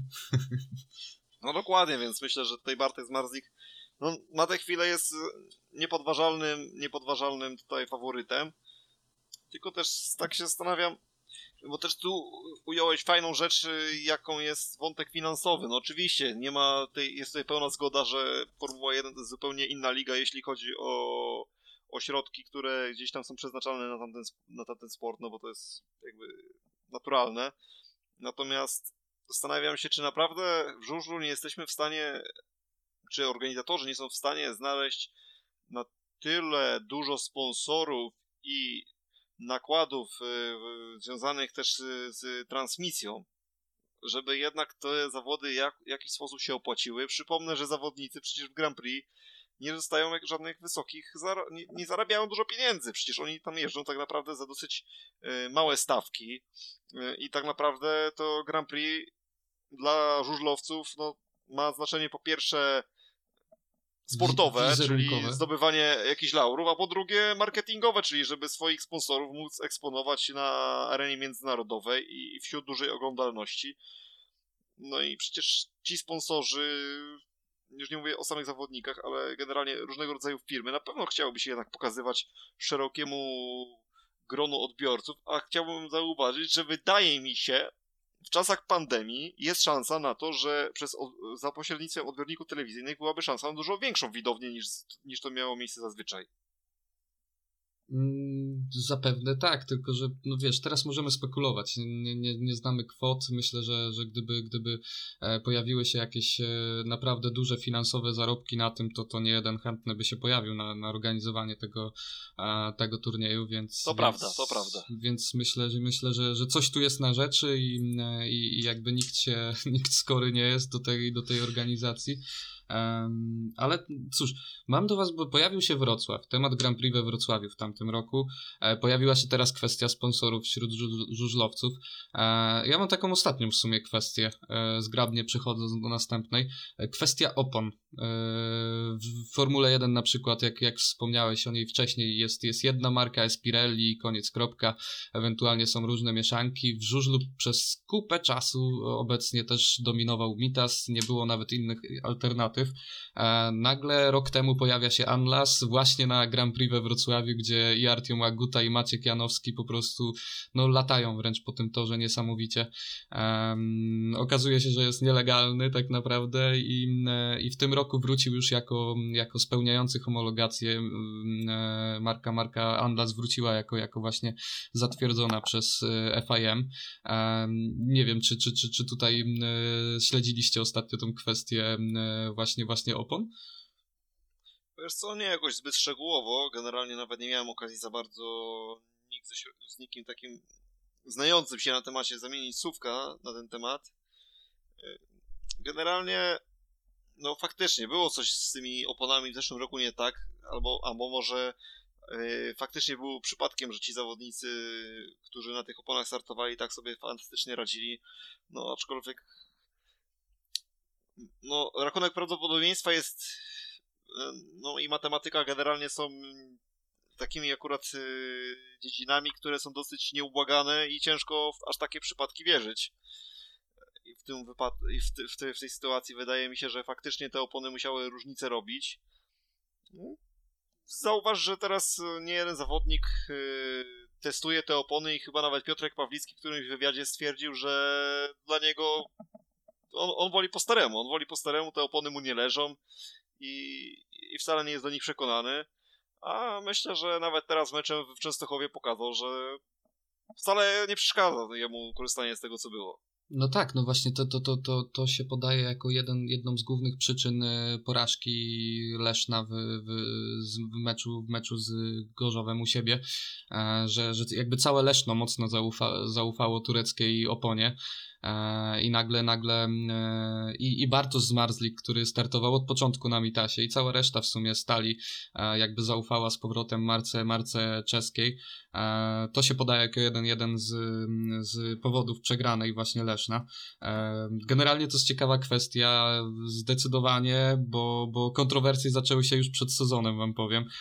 Producenci opon, producenci Anlasa niczym, niczym, kurczę, um, firmy farmakologiczne zobowiązały się do produkowania niesamowite, niesamowitej ilości ty, tych opon, tam chyba 200 dziennie się pojawiło, jeżeli chodzi o liczbę.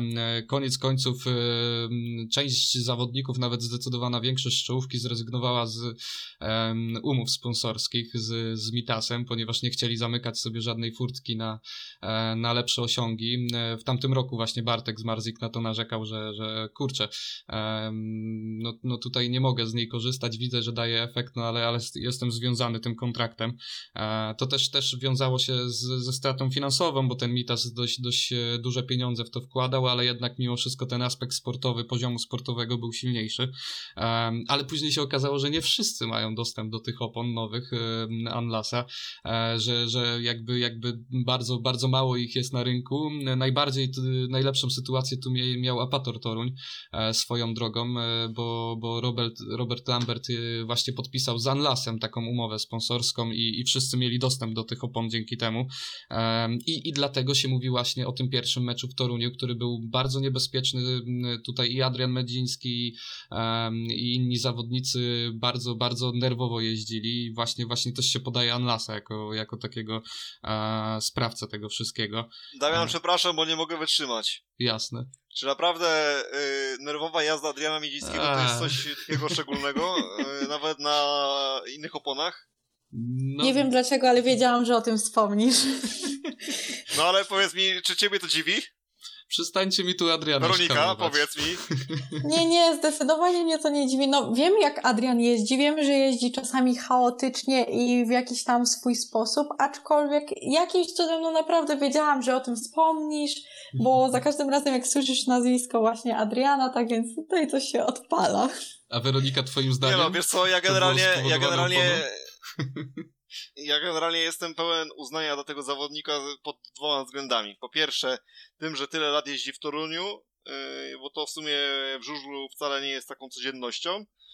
I druga rzecz, no że jednak po bardzo słabych sezonach potrafił troszeczkę e, podnieść, tak? Bo miał, miał później swój taki moment, że troszeczkę lepiej zaczął jechać, że został, zaczął być takim nawet, powiedzmy sobie szczerze, jeśli chodzi o punkty cenionym zawodnikiem, ale ta jego właśnie taka chaotyczna jazda, taka nerwowa jazda wcale no jakby się nie zmienia już od wielu lat. A to jest troszeczkę dziwne, bo Adrian Miedziński już od dawna nie jest juniorem. No, tak, tak troszkę, troszkę lat już minęło. to prawda.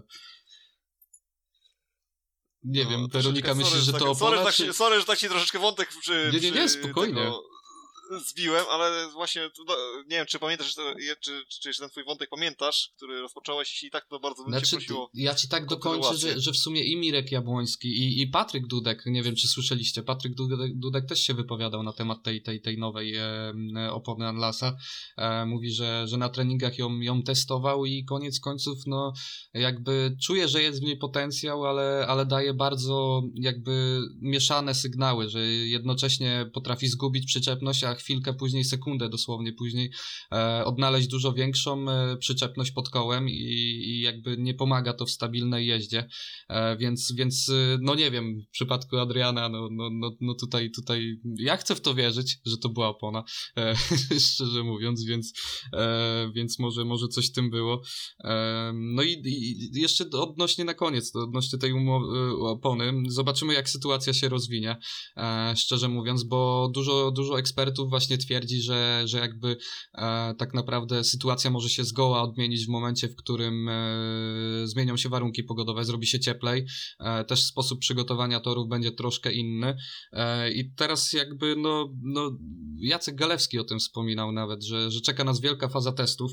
E, że, że niczego nie można być pewnym i kto znajdzie więcej w tym momencie jakichś zależności, jakichś niuansów, jeżeli chodzi o tą nową gumę e, Anlasa, e, ten może naprawdę zyskać bardzo poważną przewagę w, w, przyszłym, w przyszłym etapie sezonu. Dlatego tak chciałem o tej, o tej oponie wspomnieć, bo wydaje mi się, że, że może ona odegrać naprawdę ciekawą i dużą rolę w tym sezonie. Zgadzam się z Tobą. Oczywiście, słuchaj, każda nowinka technologiczna w tych czasach w Speedwayu będzie grała bardzo dużą rolę. Zauważmy, że w tej chwili jesteśmy w takich czasach, gdzie postęp technologiczny, ale również yy, związany z samą naszą fizjologią, generalnie naszą, naszą budową ciała, naszym, naszą kondycją, wszystko jest w tej chwili tak wyżyłowane do granic yy, maksimum, do, do, do granic naszych możliwości, że naprawdę w tym wówczas, kiedy każdy już jest na takim topowym poziomie, e, pod każdym względem, to wtedy każdy niuans może faktycznie zrobić różnicę bardzo dużą. E, I tutaj w związku z tym się zgadzam z tą w 100%. No, będziemy obserwować to generalnie, jak to się rozwija. Nie ukrywam, że ja w tej chwili w tym temacie jakoś bardzo blisko nie siedzę, bo też, e, no nie ukrywam, gdzieś tam odczytałem parę wywiadów na ten temat, ale wszystko jest na tę chwilę na takiej zasadzie, że większość zawodników jednak tutaj mówi o testach, nie, mało kto umie się jednoznacznie wypowiedzieć na ten temat, więc ja na razie jeszcze czekam troszeczkę, wiesz, na takie bardziej dosadne takie jasne, wypowiedzi. Jasne, jasne, po, poniekąd bardzo się cieszę, że tutaj parę, parę takich rzeczy tutaj uwzględniłeś właśnie, chociażby tutaj ten, y, te, taka nerwowa jazda zawodników, y, bo być może faktycznie no, miała ta opona na to wpływ. Ja też się zastanawiam, czy jeszcze jakieś tutaj inne teraz się nowinki technologiczne w trakcie sezonu nie pojawią, które coś, coś zmienią, bo to jest bardzo dynamiczne, prawda? No, gdzieś tam się pojawił, nie wiem, czy pamiętasz, przecież był temat nawet y, tego y, super paliwa y, tego Griszy, Griszy, tak, tak, tak. Tak, także tutaj, wiesz, zawsze jeśli ktoś będzie osiągał jakieś super wyniki i będzie gdzieś tylko możliwość dostrzeżenia jakiego, jakiejś nowinki technologicznej, która ta osoba, która który ten zawodnik, którą ten zawodnik zastosował, to z automatu będzie powodować y, różnego rodzaju spekulacje, czy to przypadkiem właśnie nie była, y, nie był ten niuans, który zadecydował. No tak, tak. I to tak. jest właśnie ciekawe, to jest fajne i bardzo fajne, że wprowadzają coś nowego, że chcą szukać czegoś nowego i dopóki będzie to dobrze służyło, szło do, w dobrą stronę, tak więc niech się po prostu rozwijają, niech szukają czegoś nowego, a w momencie, kiedy będzie już tego po prostu za dużo lub pójdzie w złą stronę, to wtedy mówimy stop i no i moim zdaniem tyle w temacie. Tylko pytanie, w którym, w którym momencie powiem stop, nie? Też. I, I, pytanie, czy ktoś w ogóle powie te, stop, bo ja podejrzewam, że... Mam nadzieję, że tak. Ja znam osobę, jedną z środowiska żużlowego, zresztą wszyscy, może nie personalnie, ale, ale generalnie znamy tę osobę, Krzysztof Stygielski. Myślę, że to jest osoba, która pierwsza zacznie e, wprost mówić, że zaczynamy przesadzać e, w jedną czy drugą stronę. I właśnie dlatego się cieszę, że ten Krzysztof Cegielski w tym świecie żużlowym cały czas jest, bo on jest zawsze tą taką jedną z pierwszych osób, które jakiś temat podniosą. I później wszyscy wokół tego zaczynają dyskutować i faktycznie się okazuje, że ten, na koniec, że ten Cegielski chyba dobrze myślał. No tak było w tym sezonie z testami. Pamiętasz, y, pamiętacie ten, ten, ten, tą sytuację, z, kiedy Krzysiu tak. Cegielski wspomniał, że on no, tutaj może być nieciekawie z tymi testami, jeżeli zaufamy w 100% klubom, że mogą się pojawić manipulacje. Um, włodarze Ekstraligi stwierdził, że kategorycznie, jak, jak przecież to jest nie, nie, niemożliwe, a teraz nagle w tym, w tym momencie wprowadzane są e, potwierdzenia przez Ekstraligę e, tych, tych testów, tak więc więc y, to jest dobry bufor y, bezpieczeństwa właśnie Krzysiu e, Cegielski moim zdaniem.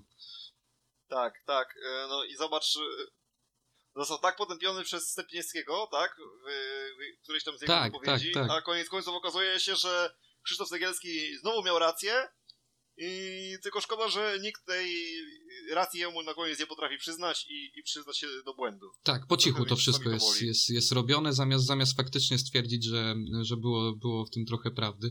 Um, nie wiem, a Weronika, ty tak, ja, ja, tak też na koniec, bo wspominałaś dzisiaj o tym, o tym chyba na samym początku, e, o tym odjechaniu z którymś z żużlowców e, motocyklem.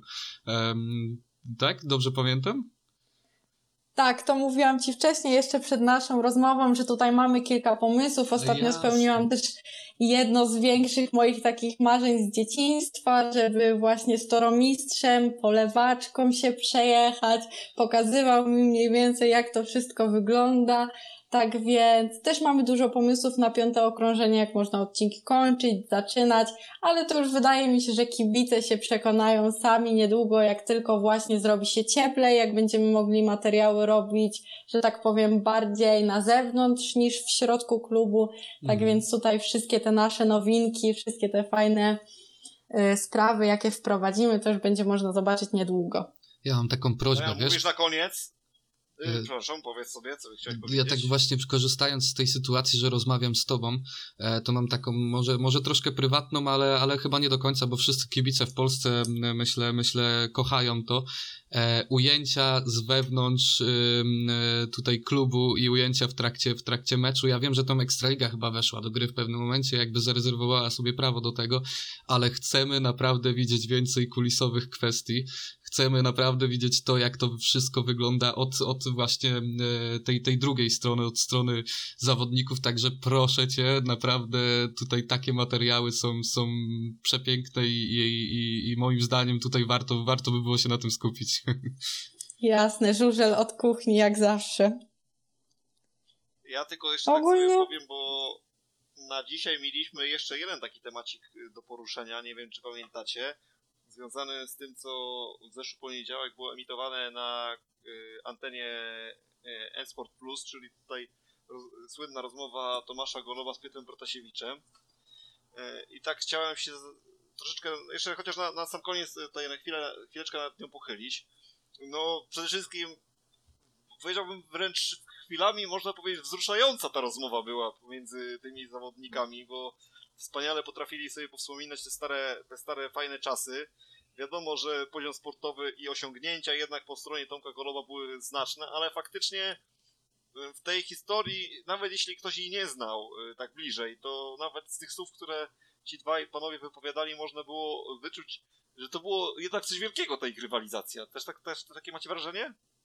Przede wszystkim to, jakim szacunkiem się darzą i to, jakie to wszystko między nimi jest prawdziwe, nieudawane. Bynajmniej ja to tak postrzegam, że wszystko to, co o sobie mówią, wszystko to, co razem wspominają, jest dla nich naprawdę kawałkiem dobrej historii, niezależnie od tego, czy w jakimś momencie był konflikt. Oczywiście nagłaśniany głównie przez media, aczkolwiek jakieś konflikty na pewno się tam między nimi zdarzały, niezależnie od tego, co się działo, tak więc tutaj ten wielki szacunek i to, jak Tomasz Golob wspomniał słowa Piotra Protasiewicza, tak więc no tutaj za każdym razem, że tak powiem, tyle szacunku, ile oni mają dla siebie, no to jest moim zdaniem wspaniałe i zgadzam się z tymi słowami, że no dwóch takich następnych już nie będzie.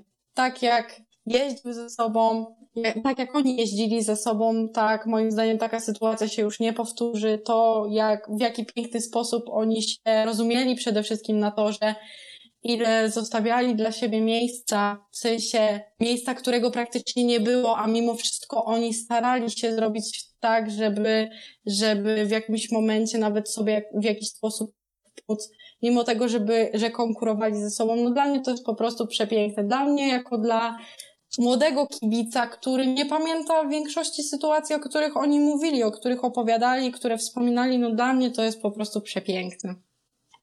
Nie no, ja się zgadzam w 100% właśnie ten, ten aspekt szacunku. Koniec końców można rywalizować, ale, ale szanować się nawzajem. E, też sam fakt, że, że jakby e, Pro, Protasiewicz nie ma problemu z przyznaniem tego, że podpatrywał cały czas na każdym kroku gdzieś tam Tomka.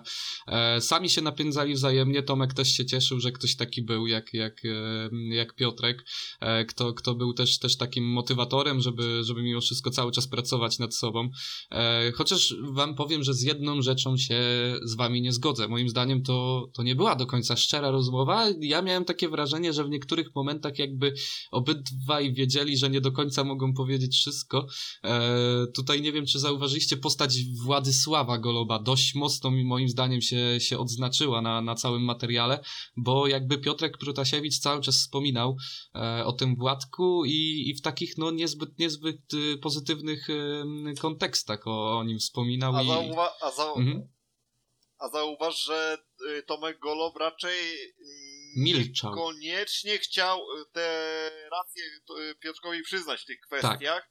Niby gdzieś tam przytakiwał, tutaj gdzieś ominął temat, tutaj gdzieś jakby przemilczał, tutaj gdzieś próbował nawet, było chyba taki stat, że nawet próbował go wytłumaczyć. Tak, Widać, tak. że jednak te więzy rodzinne były bardzo, są jednak silne i jednak tutaj y, Piotrka, jednak dalej coś pomiędzy nimi gdzieś tam pozostało, że jednak temu ojc, tego ojca musi, musiał wybronić. No ale wiesz... Tak, tak, tak. Co do... Tak? Przepraszam, że przerwałam, ale co do tego aspektu w 100% się zgodzę. Ale mówiąc o tym, że szczera rozmowa była, chodziło mi bardziej, że między nimi, między ich wspomnieniami, a to już Tak. co się działo na tych pograniczach właśnie rodzinnych, to tutaj zauważyłam, że był jakieś takie niesnaski, jakieś między nimi się na pewno wydarzyły, tak więc to też było takie ciekawe, przykuwające uwagę i każdy, kto się, że tak powiem, lepiej przyjrzał i bardziej wsłuchał, zauważył, że no coś tam jednak było. Moim zdaniem tam naprawdę było, było ostro między nimi, naprawdę e, pewnie temperatura sięgała zenitu niejednokrotnie, ale jakby, jakby jak teraz patrzą na to, to, em, to z dystansu to, to, to jak najbardziej dobrze to wspominają. Ja też, też moim zdaniem Tomasz Golob stał się zupełnie innym człowiekiem w momencie, w którym em, jakby, jakby mm, odpuścił towarzystwo taty w jego teamie. E, to, to, to, to tak, tak, tak moim prywatnym, w mojej prywatnej opinii, opinii było, było momentem, w którym Tomasz Golops zaczął stawać się zupełnie innym i zawodnikiem, i człowiekiem. E, no ale to ile razem medali pozdobywali, to ile razem gdzieś tam e, w sumie i pomagali sobie wzajemnie, e, no to to jest przepiękna historia. Nie wiem, właśnie tak e, chciałem się was spytać, czy wy widzicie w ogóle kogokolwiek, czy kojarzymy kogokolwiek, kto był blisko takiej relacji, albo albo będzie? Czy, czy, czy w ogóle mm, jesteście w stanie sobie przypomnieć o, o takiej relacji jak, jak Piotrka i Tomka? Wiesz co, potrzeba byłoby na pewno dobrej chwili, żeby się zastanowić i, i, i tak sobie to przemyśleć. Generalnie chciałem zadać to samo pytanie co ty, żeby troszeczkę zepchnąć te przemyślenia na was, ale dobra, skoro ty padło z twoich ust, to w takim razie troszeczkę spróbuję się nad tym zastanowić. No i tak szukam, szukam w głowie gdzieś takich, y, takich przypadków. Wiesz co, mi się wydaje, że przede wszystkim w latach 90. mogło być ich więcej, które my z kolei troszeczkę słabiej pamiętamy z racji, że w tych latach 90. się rodziliśmy, no Weronika na przełomie. Y, 2000 lat 90. tutaj jest, więc, No, tak więc więc tak. tutaj... Tu była dyplomatyczna cisza z mojej strony. Jakby wiek te sprawy. To przemilczymy. Tak więc niekoniecznie tamte czasy tak dobrze pamiętamy. Próbuję sobie przypomnieć e, gdzieś później, no wiem, że Grzesiek Walasek z Piotrkiem Protasiewiczem w Zielonej Górze jakiś i też chyba z sobą jakoś szczególnie nie przypadali, yy, ale to akurat nigdy w jakiś sposób yy, do wiadomości publicznej nie gdzieś tam nie uciekało i tak jakoś tego mocno nie mogliśmy odczuć. Może też była taka troszeczkę, mam wrażenie, rywalizacja z kolei Stali Gorzów, kiedy był Niki Pedersen i Tomek Golow. Nie było też czegoś takiego, Damian? Było, było i to, to jest e, coś, co ja chciałem właśnie e, przytoczyć z tym, że to jest też, też właśnie myślałem o tym już. E, to jest też trochę, troszkę inna historia, bo, bo jakby no jeden zaczynał gdzie indziej, drugi zaczynał gdzie indziej, oni nie spotkali się w, w gdzieś tam e, początkowej fazie kariery ani jednego, ani drugiego, więc, więc e, trudno to określić, ale tak, e, takim, takim łącznikiem w sumie, podob, jeżeli chodzi o skalę podobieństwa tej historii, było to, że okej, na to, że było różnie między nimi, walczyli o te punkty między sobą, ja, ja, jeżdżąc dla jednego klubu, ale przychodziło co do czego 15 bieg i tutaj no, no, byli w stanie wygrywać nam naprawdę, mówię dosłownie, wygrywać nam e, niejednokrotnie mecze, więc, więc no jest, jest coś podobnego w tej, w tej e, relacji. Aż, aż mi w głowie, wiesz, jakiś filtruje cytat? A kto to jest Golow? Słynna powiedzieć Władysława Komornickiego po derbach w Zielonej Górze. tak jest, tak jest. Tylko wtedy jeszcze chyba nie było Nikiego Pedersena, za to Rune Holta i Mati Żager, jak dobrze kojarzę. Tak, dobrze mówię? Tak, tak, chyba dosłownie. tak E, tam jeszcze był, czekaj, które to były lata? E, Peter Carlson chyba? Tak, właśnie tak myślę o tak? Carsonie. Tam jeszcze przez jeden moment był. był e, Paweł ciebie. chyba wtedy jeździł u was, jak dobrze Na kojarzę. juniorce. Czy Dawid Rut? Tak, Dawid Rud, y, Peter Jung to już było później, jeszcze był, był Matej Ferian przez jeden sezon ekstraligowy, pamiętam, że, że po Ja z powrocie. Dawidem Rudę też się mogę mylić o jeden rok, bo wiem, że na pewno jeździł w tym czasie, co był Tomek Golob u was i chyba już był Niki Pedersen. Chyba oni wtedy No Rune Holta na pewno nie? Uzupełniał. E, Ten skład tu była trójka. E, Z tej strony tam to były chyba czasy jeszcze Adriana Cyfera? Kurczę. E, Nie, Łukasza Cyrana. Ojej, ależ teraz sobie trudne rzeczy uruchomiliśmy, prawda? tak, w głowach. E, Nie, nie, tak nie naprawdę- sprawdzaj. e, powiem ci tak, e, jeśli to, to był chyba rok 2009 albo 8. Jeśli był 2009, no to w Zieloną Górze to ci, nawet jakbyś mnie o trzeciej w nocy ze snu wybudził, to ja ci cały skład wyrecytuję bez najmniejszego problemu, bo No to był nasz, nasz mistrzowski skład, zresztą miałem plakat tego mistrzowskiego składu na swoich drzwiach poprzednim. Jak jeszcze mieszkałem u rodziców, y, to właśnie tam na drzwiach miałem ten plakat wieszony przez... No odkąd od- ten mistrzostwo zdobyliśmy, aż się nie wyprowadziłem. Cały czas ten plakat tam wisiał na drzwiach i nie było opcji, żeby go zdjąć. To było taka, taka jedna z moich największych y, pamiątek. No ale niestety dla ciebie muszę ci powiedzieć skład i powiem ci, że jednak jestem z nas dumny, bo praktycznie wszystko z siebie, bo praktycznie wszystko udało mi się dobrze powiedzieć. Yy, Tobie też udało się dobrze uzupełniać, aczkolwiek yy, Adriana Cyfera zdecydowanie wtedy nie było. Był Łukasz za to Cyran. Adrian Szewczykowski. A, oj, to jeszcze dalej, faktycznie. Jeszcze wcześniej niż Adrian, oczywiście, że wcześniej. I był tak, skład Stali Gorzów. Tomasz Golob 1, Dawid Rud 2, Peter Carlson 3, Matej Żagar 4, Rune Holta 5, Szewczykowski i Paweł Zmarzlik na ławce i wtedy wasi juniorzy niestety zawiedli. Mm, Tak, to było A Zielona Góra e, występowała w składzie. Rafał Dobrucki, którego e, no szkoda, że tak w sumie przedwcześnie zdrowie zabrało z tych torów. Ale myślę, że robi teraz bardzo ważną robotę w sumie tak naprawdę. Oczywiście, że tak, tylko z drugiej strony, powiem sobie szczerze, gdyby nie ten nieprzyjemny upadek w Gorzowie, to myślę, że jeszcze z 3-4 lata spokojnie by jeszcze Rafał Dobrucki swoją karierę kontynuował, bo w sumie wyniki robił jak na Ekstraligę w dalszym ciągu bardzo, bardzo przyzwoite. No tak. E, Dalej był Iversen, który przecież później też był troszeczkę taki, można powiedzieć, dla kibiców Zielonej Góry i Gorzowa troszeczkę skandaliczny transfer e, do, do Gorzowa. Był Piotrek Protasiewicz, był Fredka Lindgren, który, którego zawsze z Zielonej Góry zapamiętałem, z, z ty, z, kojarzyłem z tym, że on w Zielonej Górze był rakietą, na tym, e, na tym torze takim ciężkim, przygotowywanym przez Piotrka Żyto tylko pod naszych i jakby tam jak było więcej niż jedna mijanka w meczu, to był sukces. Fredka na nim wymiatał, ale jak chodziło do wyjazdów, to Fredki nie było, można powiedzieć. Był właśnie Grzegorz Walasek, który na tym torze sobie też doskonale radził. Był Grzegorz Zęgota, który mam wrażenie, że w okresie, kiedy był juniorem, był, to był, najmocniejszym, to był taki chyba okres, kiedy był najlepszy, najwyższy poziom Grzegorza Zęgoty w jego karierze. Co myślisz? Pa- Pamiętasz te czasy, jak Grzesio Zęgota był w Zielonej Górze Tak, juniorem? zdecydowanie. Mm, Generalnie jeżeli chodzi o, o, o Grześka, to, to wtedy no, też szkoda, że ta kariera troszkę, troszkę wyhamowała później, e, ostatnimi czasy nawet, nawet mocno, e, bo zapowiadał się świetnie, zapowiadał się na, na lidera z prawdziwego zdarzenia i, i, i w sumie zazdrościłem trochę wam, wam tego Grześka, muszę przyznać szczerze, e, bo, bo prezentował się naprawdę wy- wyśmienicie e, w tamtych, w tamtych latach. Nie, nie wiem, ty, ty, ty Weronika ko- w ogóle ko, ko, kojarzysz te czasy, kiedy, kiedy Grzesiek jeszcze jeździł w falubazie? Kojarzę, ale jak przez mgłę. Coś tam pamiętam, że, że było, ale już tak za dobrze nie. Pamiętam go bardziej z Leszna i później Aha. ten kolejny sezon tutaj już w Zielonej 18. Górze taki, taki w kratkę, ale jeszcze właśnie przed tym jak odszedł do Leszna, to tak za bardzo go nie pamiętam niestety.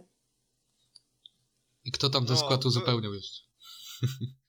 W Zielonej Górze? Tak, czy już wszystkich No, wymieniłem? no, no dostał tylko jeden, jedyny, niepowtarzalny, niezatapialny wicemistrz świata seniorów, mistrz świata juniorów Patryk Dudek. No tak, no nie, niezatapialny, to prawda.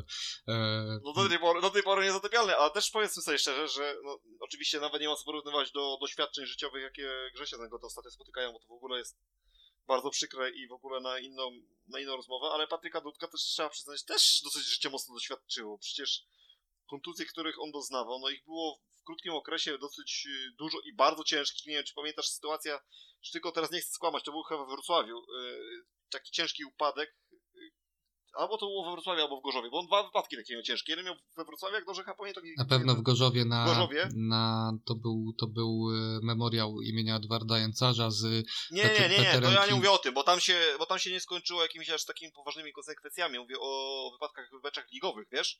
Yy, W jednym z tych wypadków to było jakoś niedługo po wypadku, gdzie zginął Lee Richardson, yy, świętej pamięci, którego zresztą też oczywiście dobrze pamiętam i zawsze nie mogłem odżałować tego zawodnika, był bardzo, bardzo sympatycznym gościem.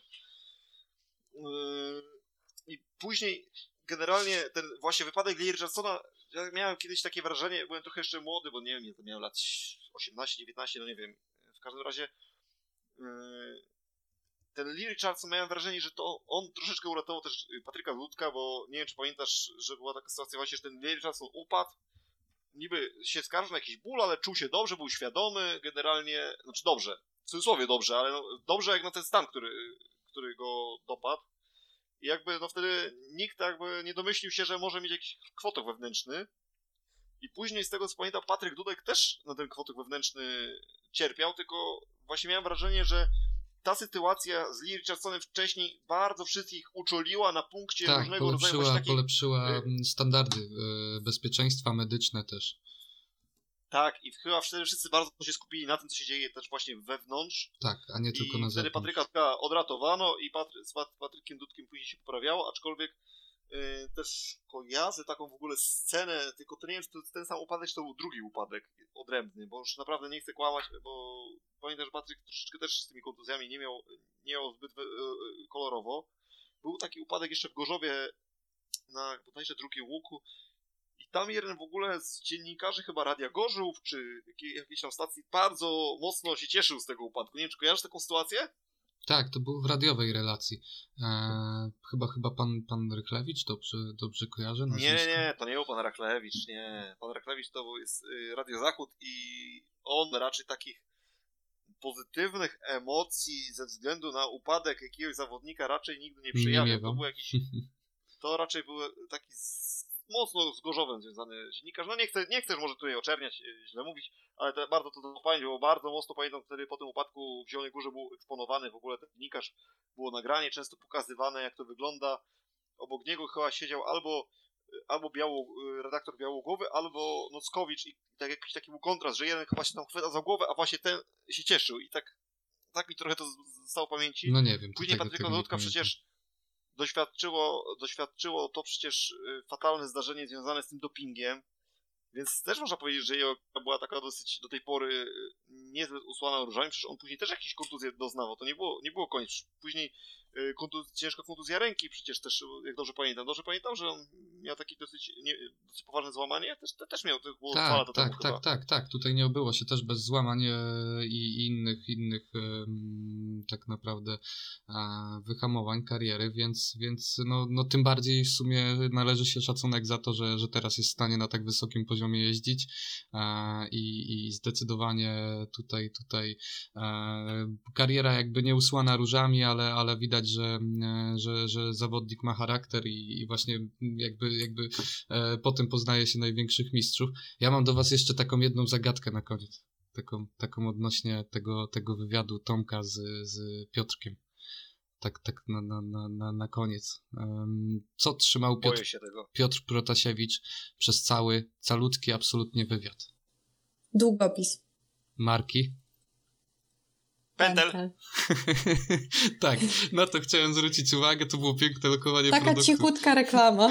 Tak, tak. Z, z, nie wiem, przykuło mu to, mi, mi, e, przykuło to mój, mój wzrok, e, taki, takie lokowanie produktu, ale takie bardzo, bardzo bym powiedział e, subtelne, e, więc... Ale więc... też, tam też kilka razy było takie fajne zbliżenie, że jednak nie do końca pokazujemy, ale tutaj... Tak, jak pukał tym długopisem właśnie. w kartkę, Tak, prawda? tak, tak. Mhm. tak. Ale, ale, ale rzeczywiście tam tyle notatek powiem ci napisał. T- tak, Więcej tak. ja Widać, przez- że notowane było tam, tam tu, tuż, to, to w ogóle grunt, że, że, że wystarczył, bo, bo ja myślałem, że wypiszę cały ten, ten długopis w trakcie wywiadu. Ale powiem ci, że Weronika też musiała bardzo dobrze na to zwrócić uwagę, bo dużo szybciej odpowiedziała niż ja. Tak, tak, tak, zdecydowanie. Ja już widziałem To tutaj, była że... pierwsza rzecz, jaką zobaczyłam.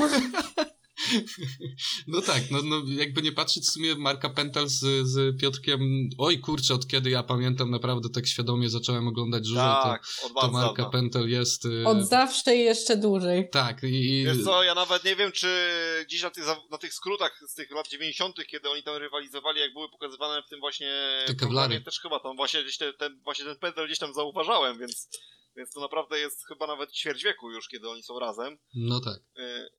Więc kawał, kawał historii. Y, no i co? Chyba na dzisiaj powoli będziemy kończyć, co Damianie? Myślę, że zdecydowanie, bo nie wiem, czy wiesz, Wiktor, ale znowu, znowu, że tak to powiem kolokwialnie. Bijemy rekord? E, Tak, nie wiem, czy rekord już nie został pobity właśnie w tym momencie, więc, em, więc, więc y, tym może em, tym, tym aspektem zakończmy. A właśnie jeszcze tak. nie zakończymy, bo chciałam wam powiedzieć, że ja dzisiaj pisałam takim samym długopisem. Tak Marki tylko Penta? chciałam powiedzieć. Dokładnie tak. Ale to był dosłownie ten sam, który trzymał Piotrek? To chyba nie był ten sam, który Ale on trzymał, sam. ale, ale taki sam. Rozumiem, to ale jeszcze, to, jedno spostrze- jeszcze jedno spostrzeżenie. Weroniko, zdałaś test z umiejętności dostrzegania kwestii marketingowych u Piotra Protasiewicza. Gratuluję. tak. Dziękuję bardzo. W końcu ulubiony Widać- zawodnik. Widać, widać, że twój ulubiony zawodnik, a jeszcze bardziej widać, że zajmujesz się marketingiem od jakiegoś czasu w klubie. Mogą być z ciebie dumni i ja cię będę polecał.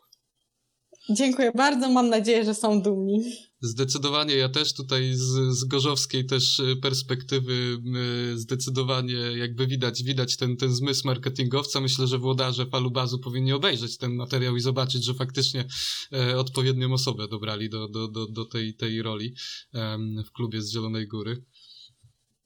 Dziękuję bardzo. To co, w takim razie chyba dziękujemy wszystkim za odsłuchanie naszej dzisiejszej relacji, naszego dzisiejszego podcastu i co? I widzimy się tak naprawdę za tydzień. Widzimy się za tydzień. Mam nadzieję, że, że tutaj tym razem więcej emocji sportowych nam się przydarzy, bo, bo, bo jakby nie patrzeć, ten odcinek mocno przegadany, mocno spokojny, ale kurczę, uraczył nas niesamowity gość, więc, więc jak najbardziej znajdzie się tutaj mnóstwo ciekawego materiału. Ja Ci, Weroniko, naj, najmocniej ze swojej strony dziękuję. Bardzo, bardzo fajnie, że zna, znalazłaś dla, dla nas czas. I cóż, i powodzenia w, w przyszłej karierze już, już nie jako podprowadzająca, tylko jako, jako tutaj element marketingowy Falubazu. Dziękuję bardzo za miłą rozmowę i przede wszystkim bardzo miłe słowa. Bardzo miło mi się z wami rozmawiało, tak więc mam nadzieję, że jeszcze do usłyszenia. Y, Ja również Tobie dziękuję i tutaj Weronika znowu nam y, słuszną uwagę zwróciła. Nie widzimy się z Wami, tylko się słyszymy już za tydzień i w tym układzie do usłyszenia. Jasne. Dzięki wielkie. Do usłyszenia. Trzymajcie się.